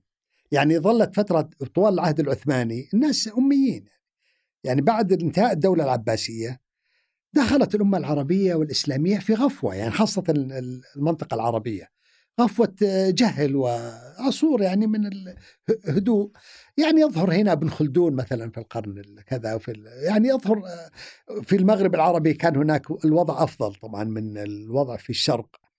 لكن بصفة عامة ما كان في حضارة ما كان في إنتاج فكري وعلمي. لما صحت أوروبا اكتشفت هذا التراث الذي لدينا فحققوا مخطوطاتنا. حققوا الجاحظ والمتنبي و... والبخاري وكل هذا حقق أولا في أوروبا قبل أن نحققه نحن. المعاجم العربية آه، حققت درسوا أصولنا تراثنا. في وقت إحنا ما نعرف شيء عن هالموضوع يعني ناسين.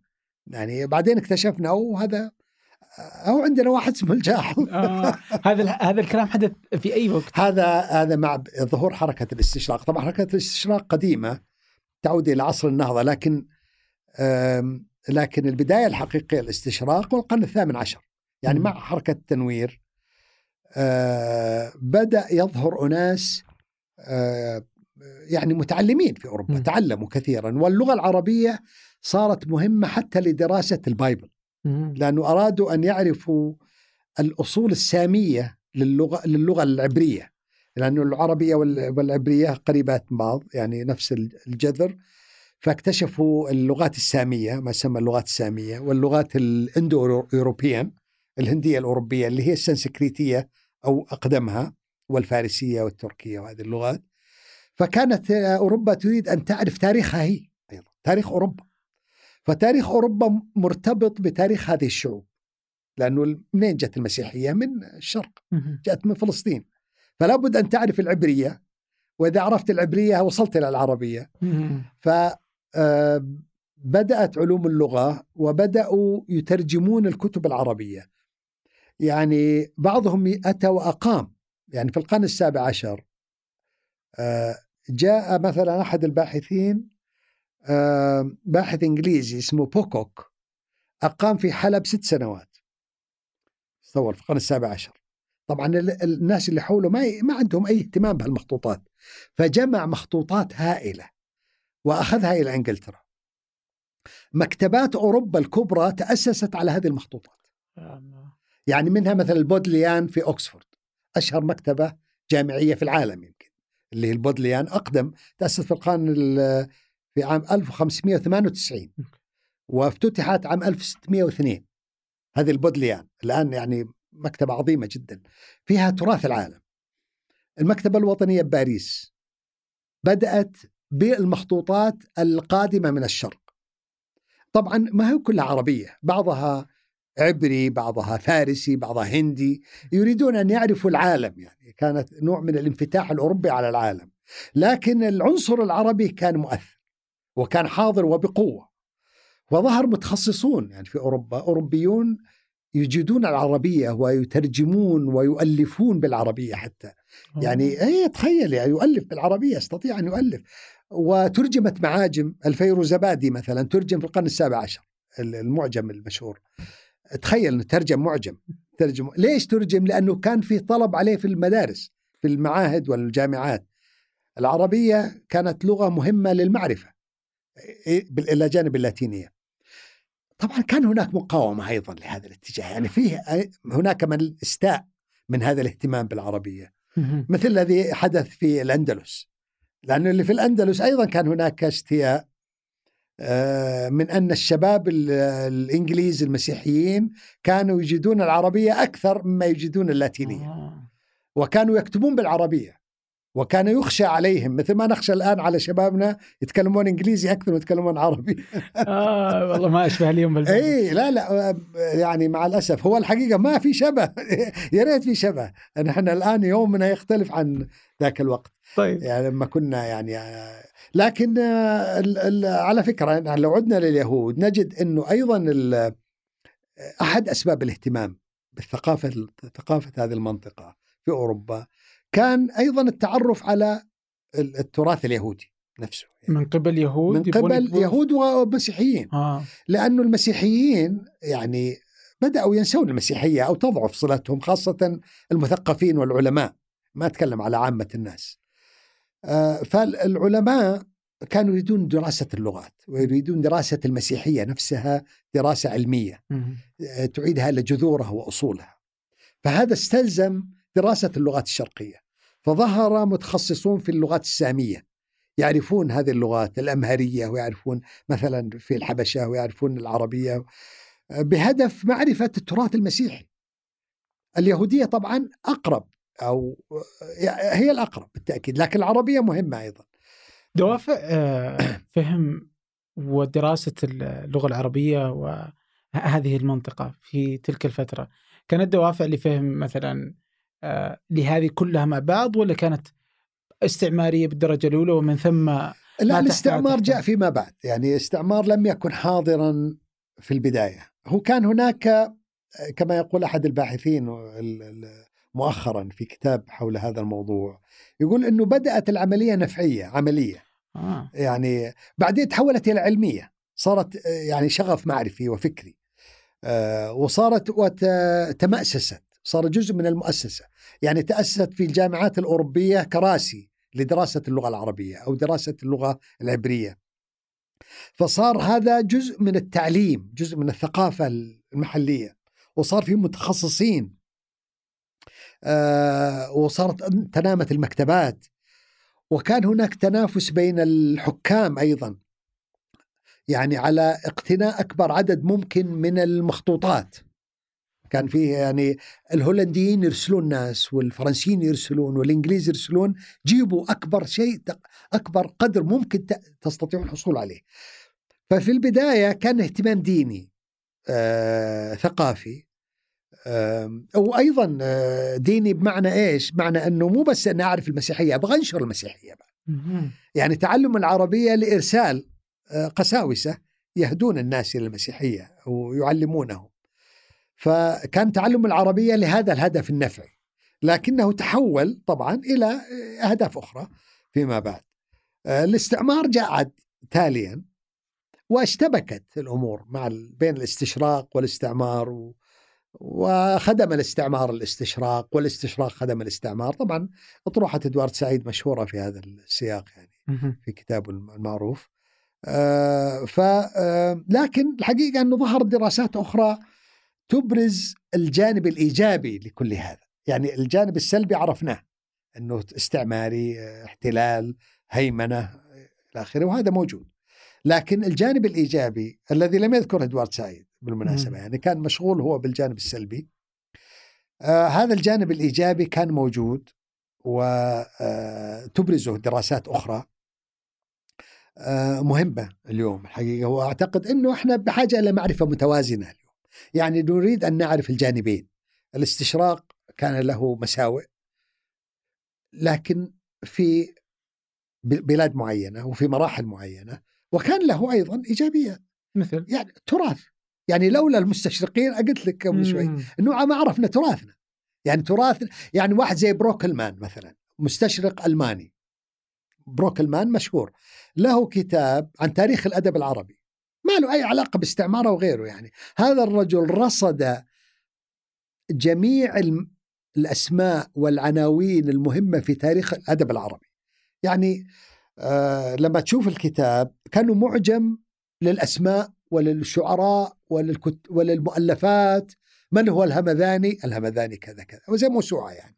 من هو الجاحظ؟ الجاحظ كذا. يعني أمرؤ القيس إلى آخره. ذكر المخطوطات أين موجودة؟ أين هي؟ كتب الفارابي أين هي؟ آه، ابن سينا وهكذا. فهو رصد الثقافة العربية رصد موسوعي هائل. آه، طبعا نموذج من نماذج. خذ مثلا جولد سيهر المجري المستشرق مجري. هذا كان رجل كان متخصص في الحديث في علم الحديث. واستطاع أن يحقق كتب حديث يحققها. يعني من من مخطوطة يحولها لكتاب كتاب مدروس ومشروح وهوامش فعرف الناس بكتب الحديث. عجيب. اي يعني إحنا نظن إنه علمائنا أو العرب أو المسلمين هم الذين اكتشفوا هذا. لا هي كانت معروفة من زمان طبعا لكن الناس نسوها ككتب. توارت إلى مخطوطات ضائعة في دكاكيل وراقين في بغداد وفي دمشق إلى أن أنقذت آه، أنقذها مثقفون علماء وأخذوها وترجموها أو حققوها وعادت إلينا معرفة. فالاستشراق له هذا الدور يعني الكبير. يعني لكن مع الأسف في أيضا من آه، قدم دراسات تشوه وتسيء وتهاجم وتنتقد وتضعف وأسوأ ما فيها طبعا الحالات التي يكون فيها المستشرق آه، داعم للمستعمر. يعني بيعطيه تصور معين يعطيه رأي آه، ما رأيك في مصر الآن؟ عطنا خب رأيك في في الدولة الفلانية كذا وضع الجزيرة العربية الآن.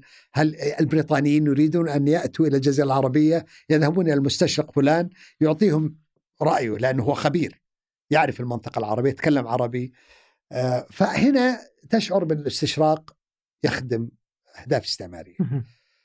فهذا الجانب السلبي والسيء هو موجود ما في شك يعني مرصود وواضح. طيب ماذا حصل في الحرب العالمية الثانية؟ وما بعدها؟ وش اللي حصل بعد الحرب العالمية الثانية اللي خلى اليهود ينتهي مسألة الاضطهاد والعنصرية ويتسيدون المشهد ثقافيا وتجاريا و... الحرب العالمية الثانية كانت آه، منطلق آخر حقيقة لليهود. لأن آه، يعني هي هي هي آه، نقمة بنعمة. طبعا ما في شك قتلوا ودمروا بشكل وحشي وإجرامي يعني عن طريق على يد النازية. ما معروفة القصة في المحارق التي أقيمت لهم لكن أدى هذا إلى هجرتهم. كثير من منهم هاجروا إلى أمريكا. م. فأمريكا صارت هي الحاضن الأكبر لهذه الجماعات خاصة العقول النيرة الكبيرة فيها. هربوا في كتاب يقول هذه هدية هدية هتلر. هتلرز جفت كذا العنوان الكتاب. لأنه كانوا أهدى أمريكا عدد ضخم من العلماء والمفكرين الذين استطاعوا أن يسهموا في صناعة ما يسمى الحضارة الأمريكية أو ما يعني نهضة أمريكا بعد الحرب العالمية الثانية، تعرف إنه أمريكا قبل الحرب العالمية الثانية كانت منزويه بعيدة عن المشهد العالمي. بعد الحرب العالمية الثانية دخلت المشهد العالمي. وليس فقط سياسيا وعسكريا يعني وإنما علميا وحضاريا يعني أصبحت تنتج فكر وتنتج علوم وتنتج مخترعات يعني يكفي أينشتاين إنه يروح مثلا واحد زي أينشتاين آه، يقيم في في في أمريكا. وطبعا غير أينشتاين آه، مئات. في فترة من الفترات آه، بعد الحرب العالمية في الخمسينات يمكن أو الستينات كان 70% من أساتذة الجامعات الكبرى في أمريكا يهود. 70% يعني هارفرد مثلا اللي هو ال Ivy League هذول هارفرد ييل برينستون كولومبيا إلى آخره. يهود 70% وكانوا وكان اليهود الأساتذة التي الذين في الجامعات هذه يدعمون بعضهم يدعم بعضهم بعضا. لما يأتي واحد مثلا آه، هارب من ألمانيا أو من فرنسا أو آه، نتيجة طبعا الحرب العالمية وما حصل يعني من اضطهاد لهم في ألمانيا كانوا يبحثون له عن وظيفة وعمل ويجدون له مكان.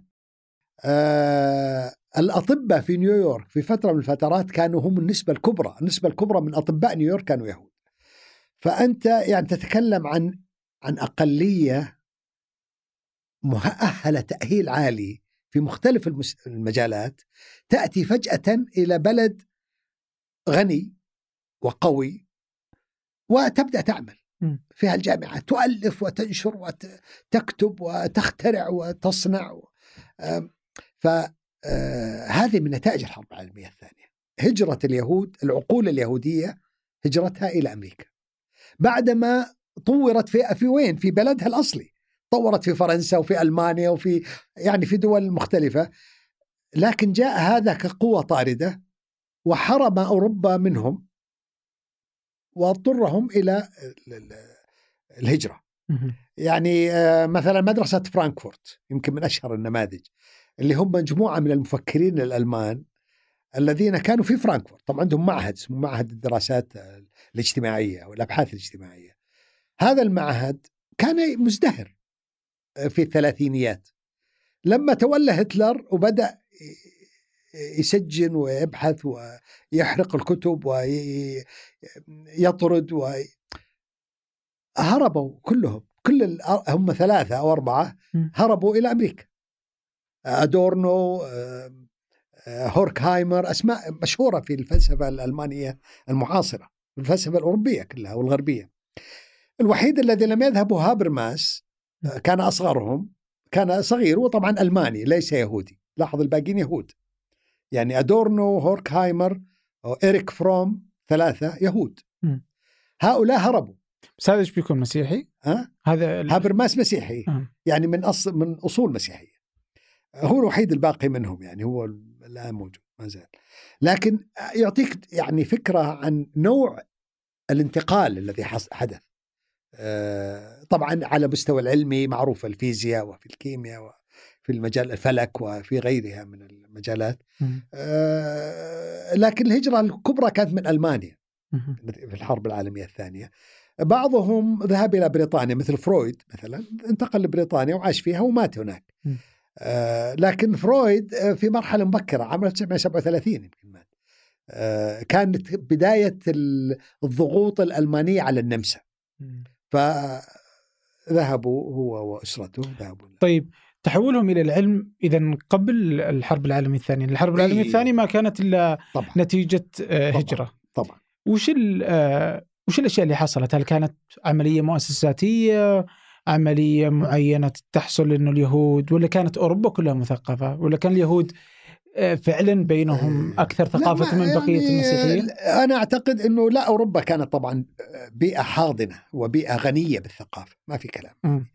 آه، يعني خذ فيينا مثلا كانت ال- من زهور الحضارة يعني في في الثلاثينيات في العشرينيات في أوائل القرن العشرين الربع الأول من القرن العشرين كانت آه، هي نيويورك آه، في مرحلة من المراحل مم. يعني يذهبون إليها ليعيشوا فيها الانفتاح وكان وثري ثراء كانت إمبراطورية وغنية آه، ف آه، طبعا الأوبرا والمسارح وال والأعمال الفنية العظيمة والموسيقى والمعاهد والجامعات ومراكز الأبحاث ازدهرت فيها الحضاره.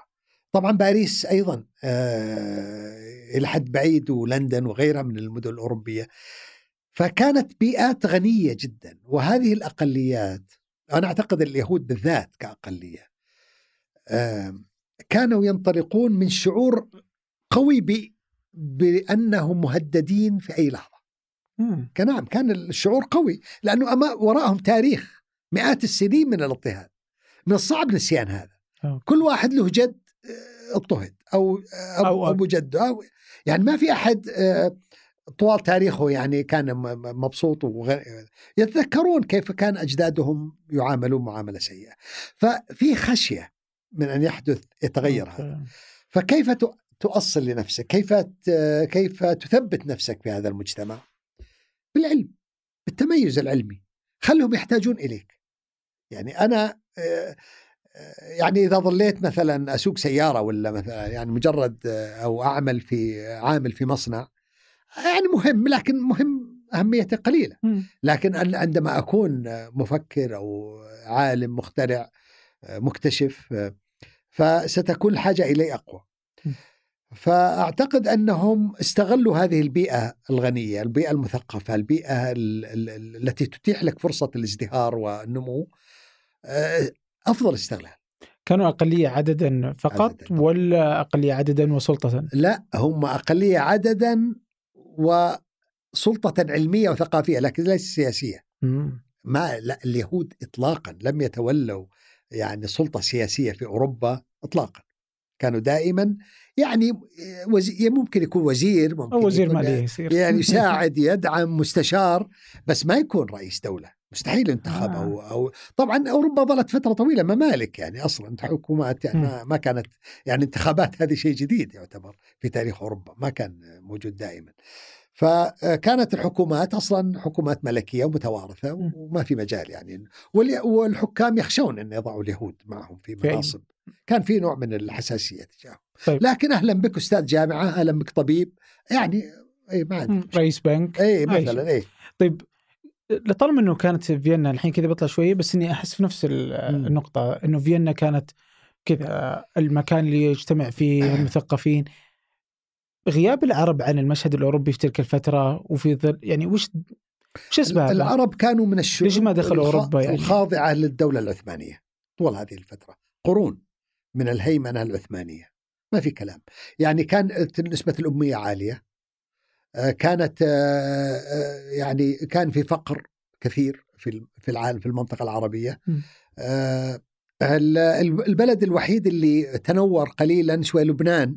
في مرحلة مبكرة لاتصالهم بالمسيحيين وارساليات وبعثات تأتي إلى إلى لبنان ومصر بالدرجه الأولى. طبعا مصر نتيجة وجود محمد علي في القرن التاسع عشر آه، طبعا أو في في الثامن عشر أواخر القرن الثامن عشر بداية التاسع عشر. يعني هذا الرجل ما في شك حرك مصر وأرسل بعثات. أولى البعثات العربية ذهبت إلى الع... إلى أوروبا كانت آه، بعثة الطهطاوي آه، رفاعة الطهطاوي. هو ومجموعة من المصريين بعثوا للدراسة والتخصص والتعلم وعادوا آه، بلغات وعادوا بثقافة وعلم وأحدثوا نهضة. إلى حد. ما لكن قبلهم قبلهم كان نابليون لما جاء طبعا نابليون جاب المطبعة أول مطبعة تدخل العالم العربي آه، وحاول قدر الإمكان أنه يعني يجتذب السكان آه، لكن طبعا كانوا كارهينه لأنه إيش في غازي. يعني غزو وهيمنة وسلطه أجنبية مرفوضة. بس ليش إيه. ليش ما في كان أي شكل من أشكال الهجرة كل لماذا لم يهاجر؟ إلى طبعا أعتقد أوروبا؟ الجانب الديني كان مهم. آه، لأنه يعني فرص العيش للعربي مسلم بقدراته في ذلك الوقت لم تكن تؤهله لأن يعيش إلا خادم يمكن. يعني أن يشتغل في مكان يعني وضيع أو أو, أو يعني في سلم متدني من مست... من سلالم الوظيفة أو العمل. فما أعتقد إنهم كانوا عندهم استعداد أن يذهبوا، هذا- بالنسبة لمن يعني كان عنده استعداد يتنازل عن الجوانب ال- ال- ال- الدينية والعقدية، يعني أن يقبل أن يكون في- مجتمع فيه انفتاح أو فيه كنائس وفيه النساء، يعني شوف ر- ردة فعل رفعة التطاوي. التطاوي لما وصف مصر وصفها إنه يعني هم نظاميين وقانونيين وعندهم نظافة وعندهم لكنهم متعرين يتعرون في الشوارع وليس لديهم آه، آداب آه، يعني آه، من الآداب التي ينبغي للمسلم للإنسان المسلم طبعا. ويرى أن المسلم هو الإنسان الحقيقي أنهم أنها ليست لديهم وبالتالي كانوا مر كان فيه نوع من النفور من ال- العيش بين النصارى أصلا. أوكي. اي فلذلك لم يذهب المسلمون ولو ذهبوا لما وجدوا فرص كبيرة يعني. طبعا في قصص عن مسلمين ذهبوا لكنها قليلة فيه يعني هناك من ذهب لكن عددهم لا يعني قليل جدا وبالتالي آه، حالات لا يقاس عليها.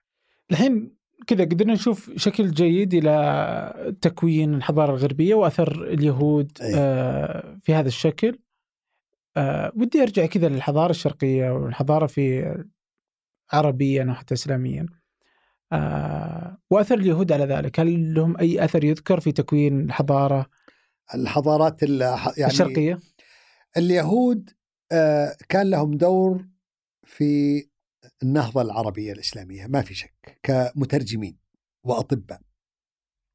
يعني في بغداد كان هناك جالية يهودية وفي دمشق وفي فلسطين وفي القدس وفي مصر أيضا إلى حد ما. لكن دورهم كان دور علمي أيضا. يعني هناك يهود أطباء اشتهروا بالطب وهناك يهود مترجمين. آه ترجموا من اللغات من السريانية ومن طبعا اليونانية إلى اللغة العربية. آه فكان لهم هذا الدور لكنه لم يكن بالكثافة التي عرفت لهم في أوروبا. آه فأعتقد أن هناك اختلاف من حيث حجم الإسهام وعدد المسهمين والتأثير التأثير لم يكن يعني قويا.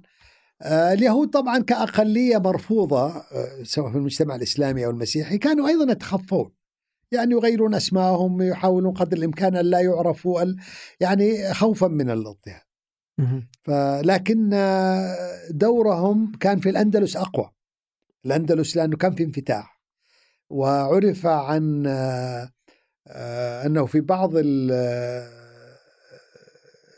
في إحدى المراحل عين يهود في في منصب نسميه الآن رئيس وزارة في الدولة الإسلامية.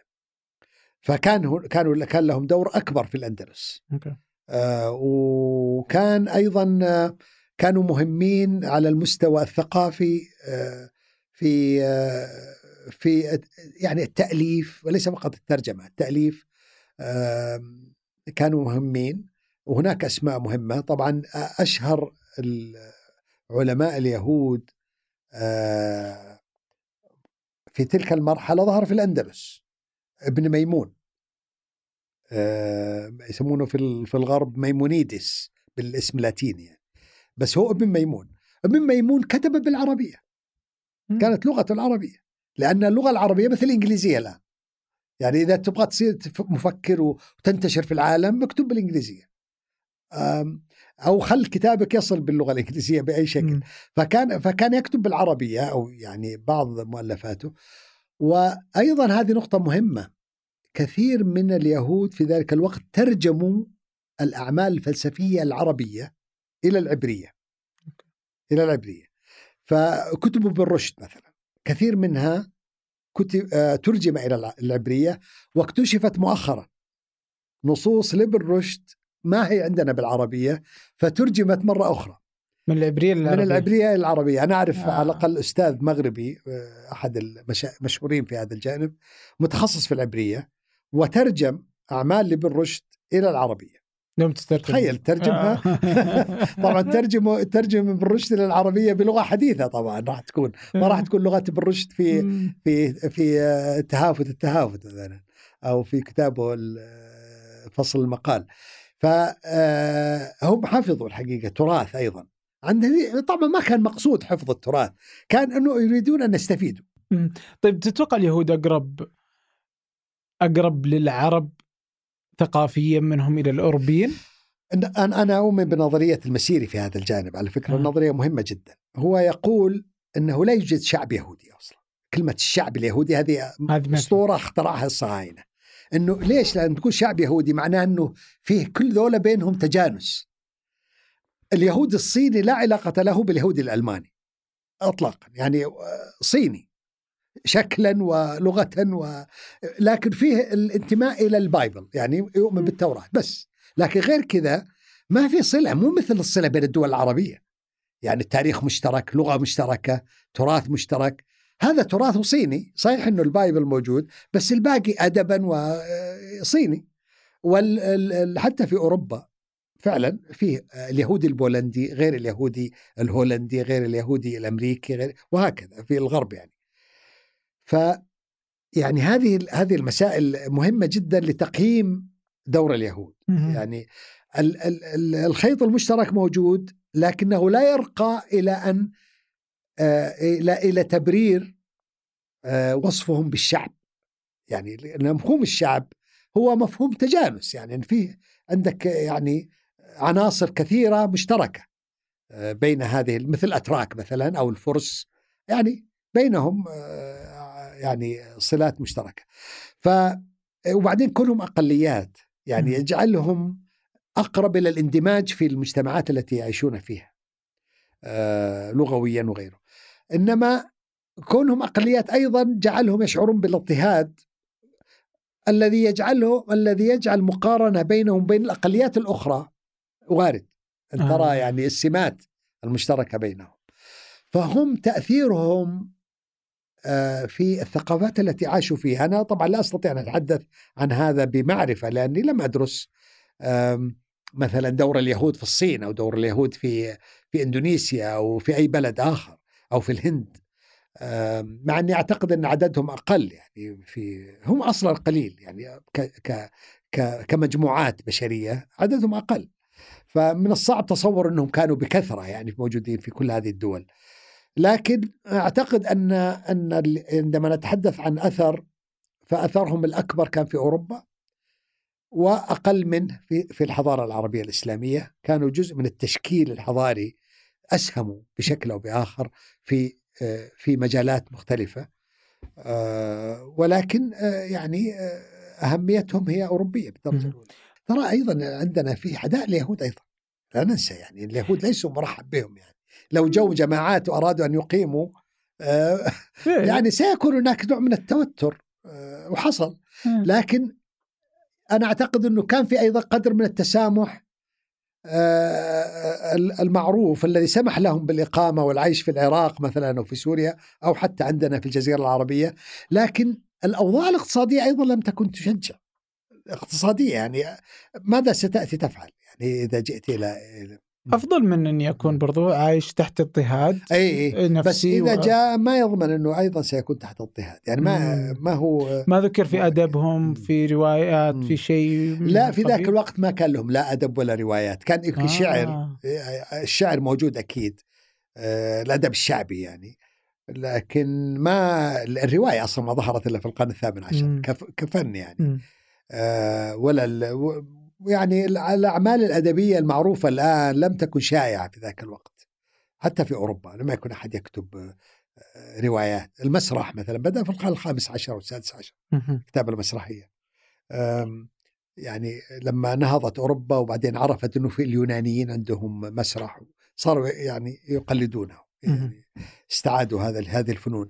اليهود آه، لم يكن لهم نصيب كبير. حتى بعد اندماجهم في المجتمعات الأوروبية ظلوا محدودي الإنتاج الأدبي على فكرة. أدبيا كانوا متوارين كثيرا. يعني ما- ما تج... ما نعرف شعراء كبار ولا روائيين حتى عندما ازدهرت الرواية.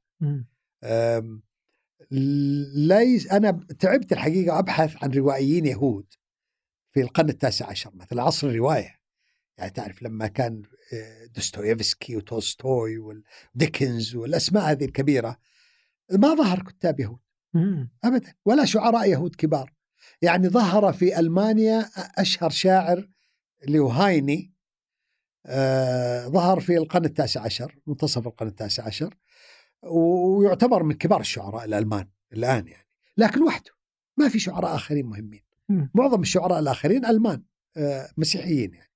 فبعدين في القرن العشرين بدأوا ينتجون أعمال أدبية مهمة ظهر بينهم. طبعا في بريطانيا ظهر ديزرائيلي آه، آه، روائي آه، إنجليزي يهودي وكان بالمناسبة رئيس وزراء. يعني وصل مشهور إنه بنجامين ديزرائيلي ودرست رواياته وأنا الحقيقة مذكورة هنا. وفيها هذا الشعور الأقلوي مع إنه رئيس وزراء. إلا إنه في عنده شعور إنه اليهودية والانتماء اليهودي موجود يعني صعب الفكاك منه يعني هو يستشعر أحيانا يعني بكبرياء. وباعتزاز واحيانا آه، يا- يأتي لا شعوريا يعني بشكل آه، آه، يعني تلقائي أو عفوي. طيب بما إنه نحكي عن الأدب والمسرح وهذا كيف كان تصوير آه، اليهود في الأدب وفي المسرح؟ في تصوير آه، طبعا متحيز إلى فترة طويلة ظل. فترة طويلة متحيز وأنا ذكرت مسرحية آه، شكسبير. شكسبير تاج البندقية طبعا في أيضا مسرحيات أخرى آه، اللي مثلا كريستوفر مارلو اللي هو كاتب مسرحي إنجليزي معاصر لشكسبير هل تطور؟ آه إيه استمر الوضع سلبي يعني تقريبا سلبي؟ سلبي؟ حضور اليهود حضور المرابي في الغالب يعني آه. آه. حضور شخصية مرابية شخصية كريهة يعني في الغالب تحيز آه، شديد ضد ضد اليهود مثل المسلمين على فكرة يظهرون أيضا بصور سلبية. وش كان المسلمين انذاك؟ يعني اليوم آه، يتكلموا إرهابي. الأتراك. طبعا في القرن السادس عشر كان المسلم والتركي. آه. يقول هذا الترك التركي يظهر في في حتى الأدب الفرنسية وال والإنجليزية. آه، المسلم تركي في الغالب ويسمى تركي.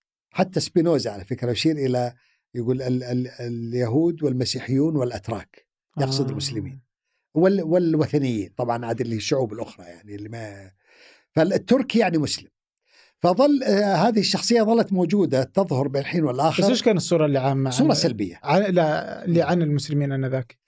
آه، كانت؟ صو- صورة عن المسلمين آه، طبعا في مراحل تغيرت الصورة يعني في العصور الوسطى كانت صورة عدائية بالمرة. يعني عن الرسول عليه الصلاة والسلام أنه يعني هذا كان من الإشاعات عنه أنه هذا هو قسيس مسيحي هرب وراح أسس دين جديد في الجزيرة العربية عشان يسوي نفسه يعني نبي. وسموه ماهون وسموه ما أدري أسماء كذا عجيبة غريبة و- وظنوا إنه في مرة من في فترات إنه يعني وثن دين وثني أصلا الإسلام هذا. لكن تغيرت الصورة تدريجيا مع الاكتشافات ومع الرحلات ومع ال- ال- الرحالة أيضا اللي بدأوا يأتون وبدأت الصورة تتغير وتصبح إيجابية أكثر يعني. ففي القرن الثامن عشر نجد حضور آه، إسلامي إيجابي مم. آه، ويهودي أيضا اللي حتى اليهود تغيرت صورتهم كل شيء تغير مع تغير العقلية الأوروبية وانفتاح أوروبا على العالم آه، فانفتاح أوروبا جعله جعلها أكثر تقبلا للآخر وأقل آه، كراهية للمختلف والاختلاف. آه، وطبعا الصورة الإسلامية صورة المسلمين والعرب واليهود وغيرهم أصبحت أفضل مما كانت عليه آه، في السابق. فالقرن التاسع عشر مثلا فيه أعمال كثيرة تشير إلى المسلمين. في شيء من التحيز طبعا وفي شيء من الأحيان سخرية و... لا يعني هذه نجدها يعني أذكر لك مثال مارك توين مثلا أشهر من أشهر كتاب الأمريكيين. أشهر رواية لمارك توين والرواية اللي يعتبرها هيمنغوي منطلق الأدب الأمريكي الهاكلبري فين. هاكلبري فين آه، ظهرت في القرن التاسع عشر طبعا رواية. آه، يظهر فيها أحد الأبطال زنجي هارب من العبودية من الجنوب الأمريكي إلى الشمال. ويصير صديق لهذا الولد الصغير اللي اسمه ها- هاكلبري فين. هاكلبري فين آه، صبي. صبي ذكي وأيضا متمرد على أهله ويهربون الاثنين الزنجي والولد هذا فمرة في أحد المشاهد اللي أنا علقت عليها أذكر حتى في في رسالتي للدكتوراه يعني كانت عن هذا الموضوع. آه، يلبس آه، الزنجي عشان ما يكتشف لأنه كانوا يبحثون عن الزنوج الهاربين العبيد يعني الهاربين المارقين أو الآبقين كان لبسوا لباس آه، حطوا عليه بدري كذا غطاء. وكتب حط عنده لوحة هذا عربي ان ارب مدري كذا يعني إنه مجنون أو كريزي فكلمة عربي دخلت ال- القاموس الإنجليزي في البداية ولا زالت موجودة. بسمول اي ايراب آه. ايراب اللي هو ال- المتشرد الشخص المتشرد الذي لا بيت له يعني مثل زي ما تقول كأنه مبني على البدوي يعني. إيه أم، ولا زالت موجودة يعني حتى الآن ايراب موجودة بس ما تستخدم الآن لأنها صارت عنصرية. إنما هي ارتبطت ارتبط صورة العربي بصورة البدوي اللي على جمل وعايش في صحراء و... وفي نفس الوقت أيضا بدأت إيه. تتسلل صورة العرب كأهل حضارة يعني قديمة. أيضا وجدت هذه الصورة. فكان في عدة صور مختلفة يعني كتاب آه، ليسوا متفقين عليها. طبعا من أشهر العرب آه، في الأدب الآداب الأوروبية عطيل في. مسرحية شكسبير. عطيل اللي هو عنوان المسرحية هو البطل المسرحية. عطيل مغربي موروكن مور يسمونه Moor. اللي هو من ال- اللي هم يعني كان في الذهن الإنجليزي ما في تفريق بين ال Moor والأفريقي يعني. آه. كأنه إيه كلمة Moor Moorish تستخدم ل للأفارقة أيضا يعني تختلط الدلالة شوي. لكن عطيل اللي يسميه العقاد يقول إنها أصلا هو عبد الله. يعني أولها العقاد إنه أوثيلو هو اوتيلو وبعدين يعني أصلها إيطالي جاية من حكاية إيطالية وإنها أصلا إنها كذا. عموما هو يظل بطل مغربي الأصل. آه، طبعا أسود هذه مهمة جدا. ويحب ديدمونه الإيطالية الجميلة هذه وخلى خلى شو اسمه إياغو يكرهه ويدبر آه، جريمة القتل اللي صارت بعدين لما عطيل خنق ديدمونة لكن المأساة آه، هذه المأساة طبعا تعتبر تراجيديا تصور المور صورة رائعة نبيل يعني هو كأنه الإنسان الآخر النبيل العظيم آه، الخير. فصورة إيجابية جدا في مقابل شايلوك لاحظ. صورة المقابلة سيئة جدا لليهودي المرابي. فالعرب كانوا بعيدين عن أوروبا لم يكونوا يعيشون فيها كانوا إكزوتيك يعني ناس عايشين بعيد و... وتخيلونهم بأشكال مختلفة. يعني مرة أفارقة مرة أسيويين مرة آه، بدو مرة. ما, ما تجي صور متفاوتة. وكان الرحالة يلعبون دور كبير في هذا. في رسم هذه الصورة. الرحالة هي طبعا. لأنه ما الرحالة زي ال social media الآن. يعني هم طريقتك لمعرفة العالم. ها؟ تأتيك تقرأ عنه أو الإنترنت. آه لكن في مع مع الرحالة كان المستشرقون أيضا. آه الذين يكتبون. يعني لما ترجمت ألف ليلة وليلة مثلا في القرن الثامن عشر خلقت صورة مختلفة. سموها Arabian Nights راسا. ما سموها ألف ليلة وليلة. ف Arabian Nights أعطت صورة أخرى للعرب أيضا إنه عندهم حكايات وعندهم آه يعني أدب و... طيب آه بجي للنقطة آه يعني ذكرت قبل شوي آه سالفة آه إنه اليهود يعني ما كانوا آه يشعرون بالأمان. فكان هذا هذه المشكلة عندهم تجعلهم إنهم يكونون أفضل إنهم آه، يدخلون العلم أكثر وهكذا يعني مع نعم. آه، نعم. التطور اللي حصل في أوروبا. آه، أبى أتصور إنه يعني أذكر مقالة قرأتها لأحدهم كان يبرر وجود الكيان الصهيوني الصهيوني دولة إسرائيل فكان يقول إنه أنا مع وجود الدولة الإسرائيلية وايا يكن ما يحصل بشكل آخر. لكن آه، يعني كانت نقطته انه انه يوما ما بتصير لنا مشكلة إنه ما أشعر بالأمان. نعم إسرائيل إيه؟ كلها قائمة على هذه الفكرة الآن. فيجب أن يكون لي مكان آمنة. يعني يوم صار عندنا مكان جيد نتكلم فيه اي لا ما في شك. يعني آه يعني نتنياهو آه، في مرة يدافع عن عن حق إسرائيل في أن تحمي نفسها وأن يكون لديها سلاح قوي وأن تكون أقوى. يقول المسافة بين القدس وتل أبيب آه، بالطائرة آه، أو بالسيارة ربع ساعة. يعني هذا عرض البلد.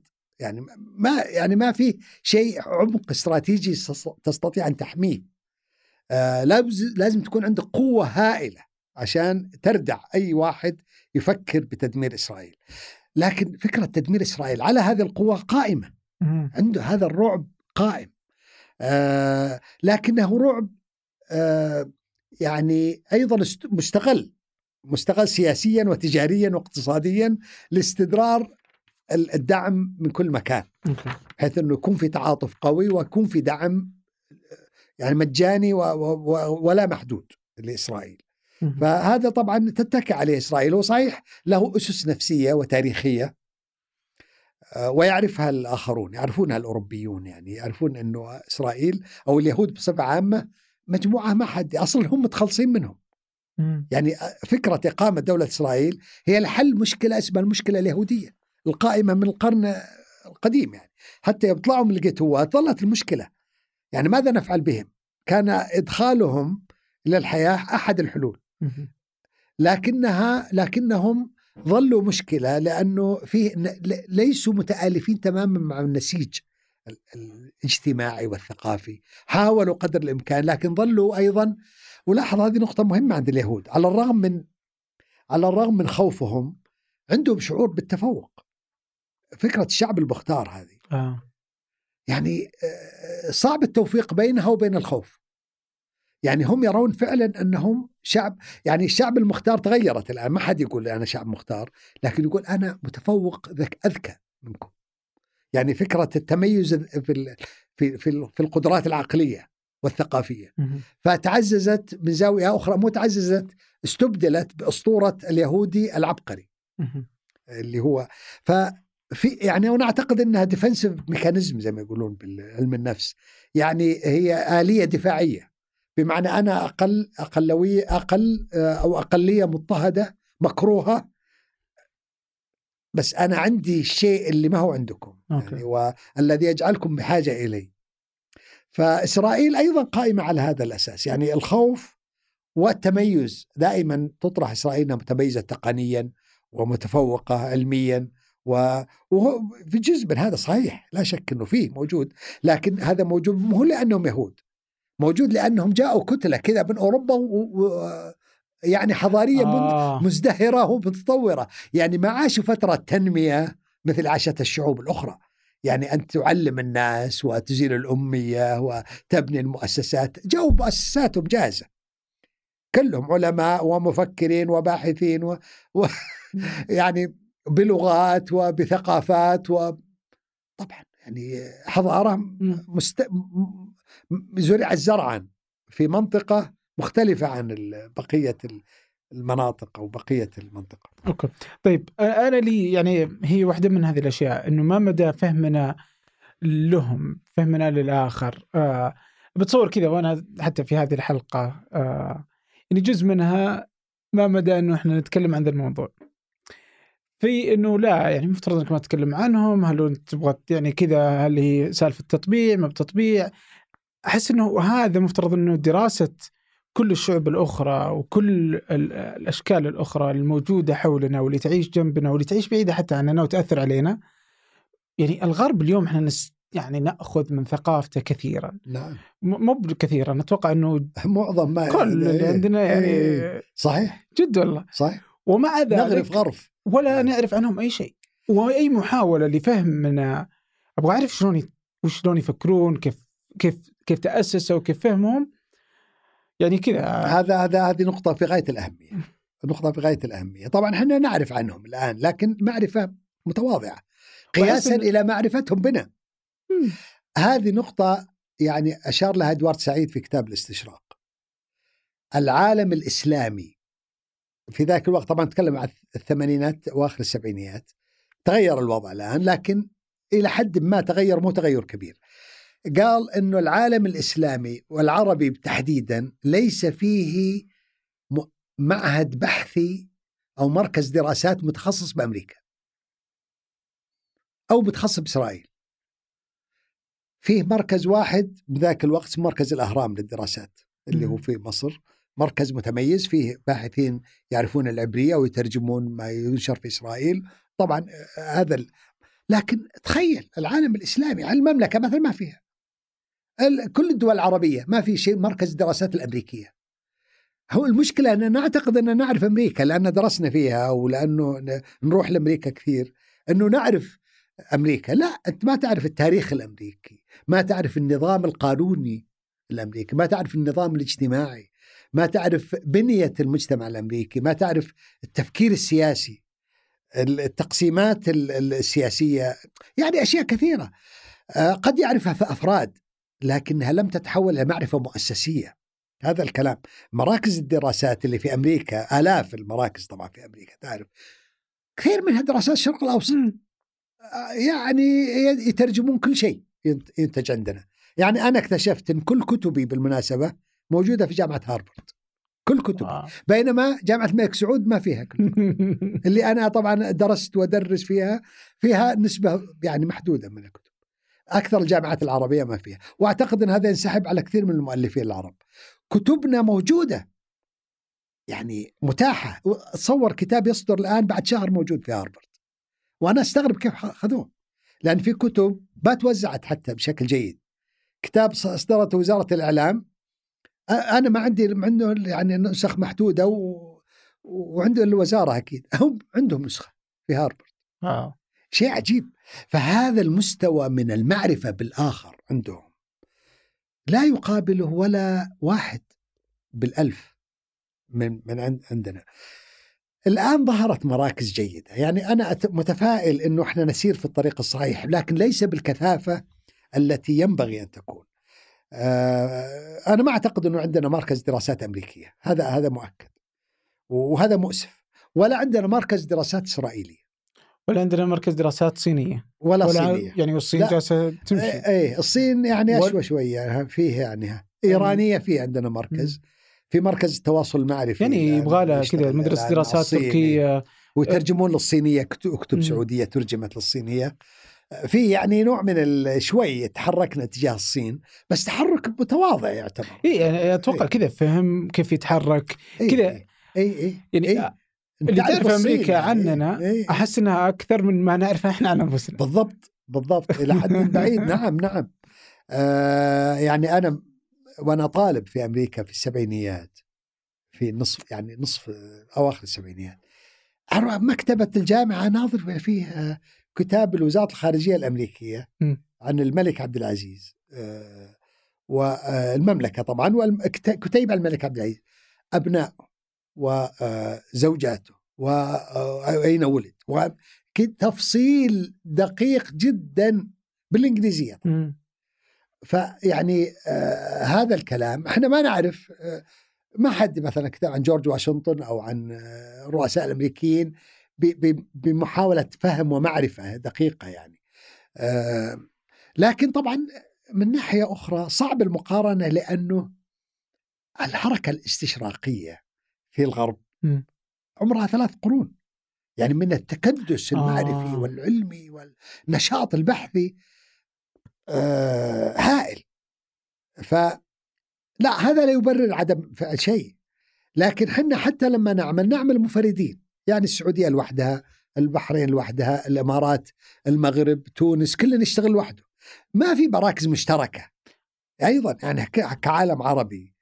نفكر مستقلين لكن لما تجي ألمانيا 80 مليون بهالتاريخ العريق من المراكز البحثية والإستشراقية آه، تجد إنه فيه فيه آه، ضخ بشري حتى إحنا كل واحد يحاول ينافس الآخرين يسوي مم. مركز أفضل من الآخر يعني آه، بس ما في تعاون علمي كافي طيب هل هذا أصلا إذا افترضنا أنا بآخذ الحين هل هذا ترف ولا حاجة؟ العلم العلم وما فهم. حاجة وش الحاجة. فيه؟ يعني يمكن ان ناخذ إنه ترف هذا لا لا زي لا، يقول لك هذه مشاكل العالم الأول. هي حاجة أن تصنع تضع سياستك. سياساتك كيف تضعها؟ على أي أساس؟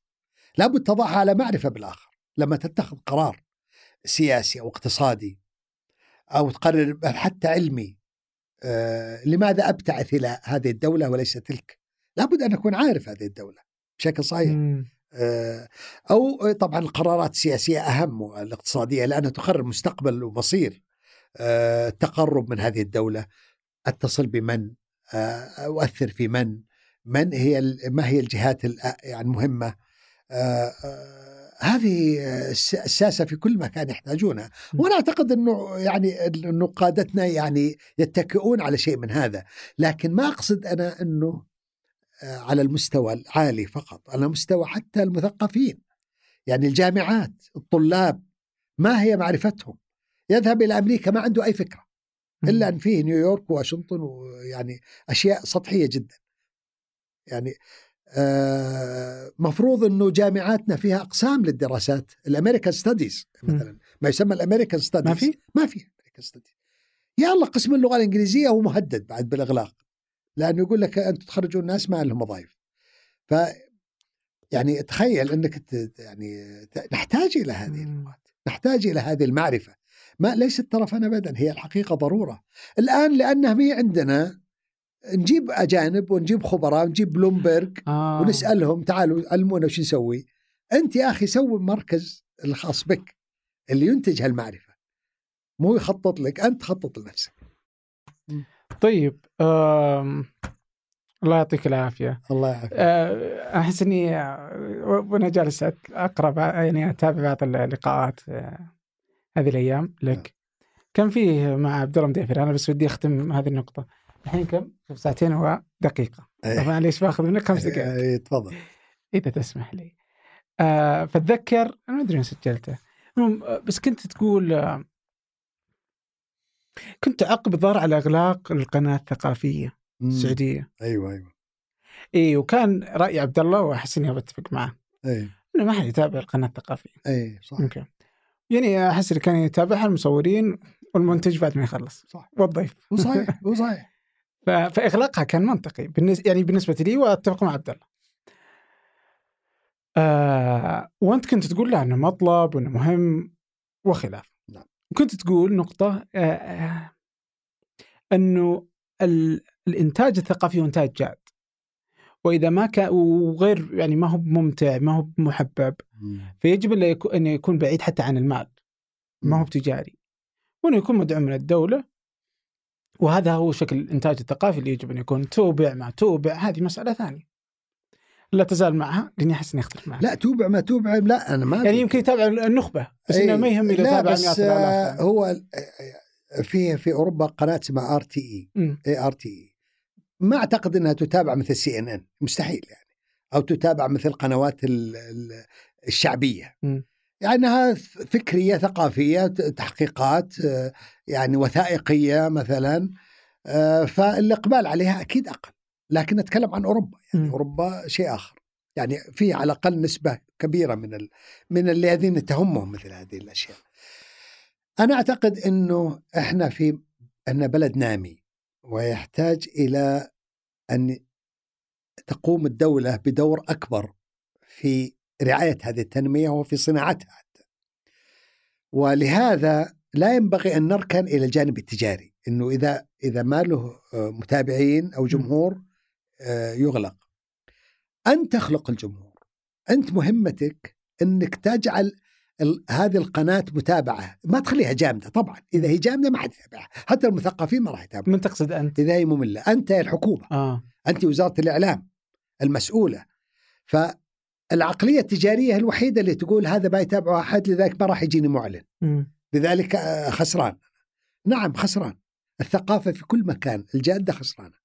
الكتاب الجاد على فكرة ما يبيع كثير الكتاب الجاد حتى في أمريكا لما تكتب فلسفة غير لما تكتب كتاب في الرحلات ولا كتاب مذكرات سياسية. ولا أي معروف لكن هذا لا يموت لا تسمح الشعوب لهذا أن يذوي لأنه هو العقل المفكر عشان يمشي التجاري العقل المفكر لابد أن يرعاه أحد. في ألمانيا الميزانية ميزانية الثقافة خرافية. حتى أنه كان في دعوة إلى تخفيفها يعني أنه في قيل أنها مبالغ بها. آه، في فرنسا بوزارة الثقافة أو يعني د- أخ- أشهر دولة فيها وزارة الثقافة فرنسا. وتنفق على الأوبرا وعلى ال- ال- اللي هي المنتج الثقافي والفني اللي ما له شعبية كبيرة. المسرح الموسيقى الكلاسيكية مثلا. قارن اللي يحضرون بيتهوفن حتى بيتهوفن يعني باللي يحضرون آه، ال- ال pop art أو ال pop culture pop music. الملايين اللي تحضر وهذول المليونيرات من المطربين الصغار لا يمكن إنه موسيقي كلاسيكي يحصل على نفس الثروة لأنه جمهوره أقل. فأنا أعتقد أن ال- الجاد متابع أقل. لكن هذا لا يبرر إنك تجي تصنع لي قناة ثقافية ميتة أصلا وليس فيها ما يغري. يعني انت إنت وضعت قناة ثقافية ولا تنفقت عليها بما يكفي لجعلها مغرية جاذبة للناس. نعم أفهم أمم. آه أن أنك تغلقها آه يعني آه، هذا التفسير مقبول لو كان الذي ينفق على القناة الثقافية جهة ر- ربحية تبحث عن الربح لكنك وزارة الإعلام ليست جهة ربحية هي مفروض تخدم حتى النخبة لا حق أن يكون لها شيء يعني مو معقول إني ما أسمع إلا الإف إم بالراديو مثلا طقطقة أغاني من مس- مستوى العاشر وال يعني موسيقى هابطة وكلام سخيف وتحليلات سطحية وأكثرها رياضة وكرة قدم. مو معقول إنه ما يكون في بث للثقافة على الناس إنك تجيب كتاب إنك تجيب مفكر تجيب باحث تجيب فنان تشكيلي موسيقي بس مستوى راقي آه، بس ما له جماهير. من اللي يرعاه هذا؟ لن ترعاه طبعا آه، شركة إف إم تبحث عن الربح ولا هي مطالبة بهذا. المطالب هو الدولة في هذه الحالة. لأن الدولة مثل الأب اللي يرعى هذه الأسرة يريد أن تنمو علميا وثقافيا. فما أقدر أقول إذا في فلوس نجيبه. إذا ما في فلوس ما يحتاج. مع إنه. ساظل يعني هابط. مستواي مو بالضرورة يعني شوف مثلا الحين أتوقع إن أخذنا ساعتين. محتوى جاد إي. ثقافي. إي. نتفق؟ صح. ومع إي إي، مفكر وعالم إي. وبيسمع يمكن 500 ألف.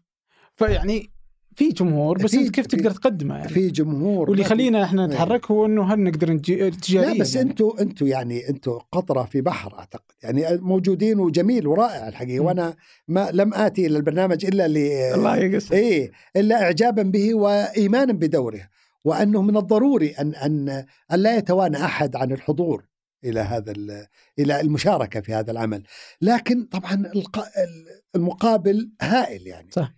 آه فلا شك إنه هذا يبعث على الأمل والتفاؤل إنه ممكن صناعة ثقافة جادة طيب ما الذي يمنع أن تكون قناة ثقافية بهذا المستوى مثل مثلكم يعني ما في حافز يمكن أنا أحس إني يعني أي. يعني حافز الراسمالي اي. هذا هو إنه ما في إنفاق يعني يعني وش يجيني إذا أنا موظف حكومة يعني ما بجلس بجي أسوي بالضبط. سويت نجح نجح ما نجح ما. خلها بس أنا خلها- هذا البرنامج إيه. يجيب اني اعرف اي صحيح يعني أعرف آه كيف تتم بس انت اكتشفت ان ان الثقافة الجادة تجيب فلوس مثلا. إذا كانت جهة. ممتعة. ما ما هي بس م- جاذبة للناس مم. أيضا ممكن تكون جاذبة. القناة الثقافية ممكن تكون جاذبة أيضا. يعني إذا جابت أسماء أعمال شيء يلفت ما النظر. في شك. إي إيه. يعني ممكن صناعة ثقافة جادة وجاذبة أيضا. ليس مستحيل. لكن تحدي صحيح ليس سهلا. لكنه ممكن. لذلك أعتقد القناة الثقافية بشكلها القديم فعلا كان مفروض إنها تنتهي. لكن مو مفروض تنتهي فكرة القناة الثقافية. آه. فكرة المبدأ. يعني ال- ال- الكويت عندها قناة اسمها العربي. المجلة العربي يعني مسوينها. العربي. إلى الآن شغاله آه، أظن في بعض دول الخليج عندهم قنوات مشابهة.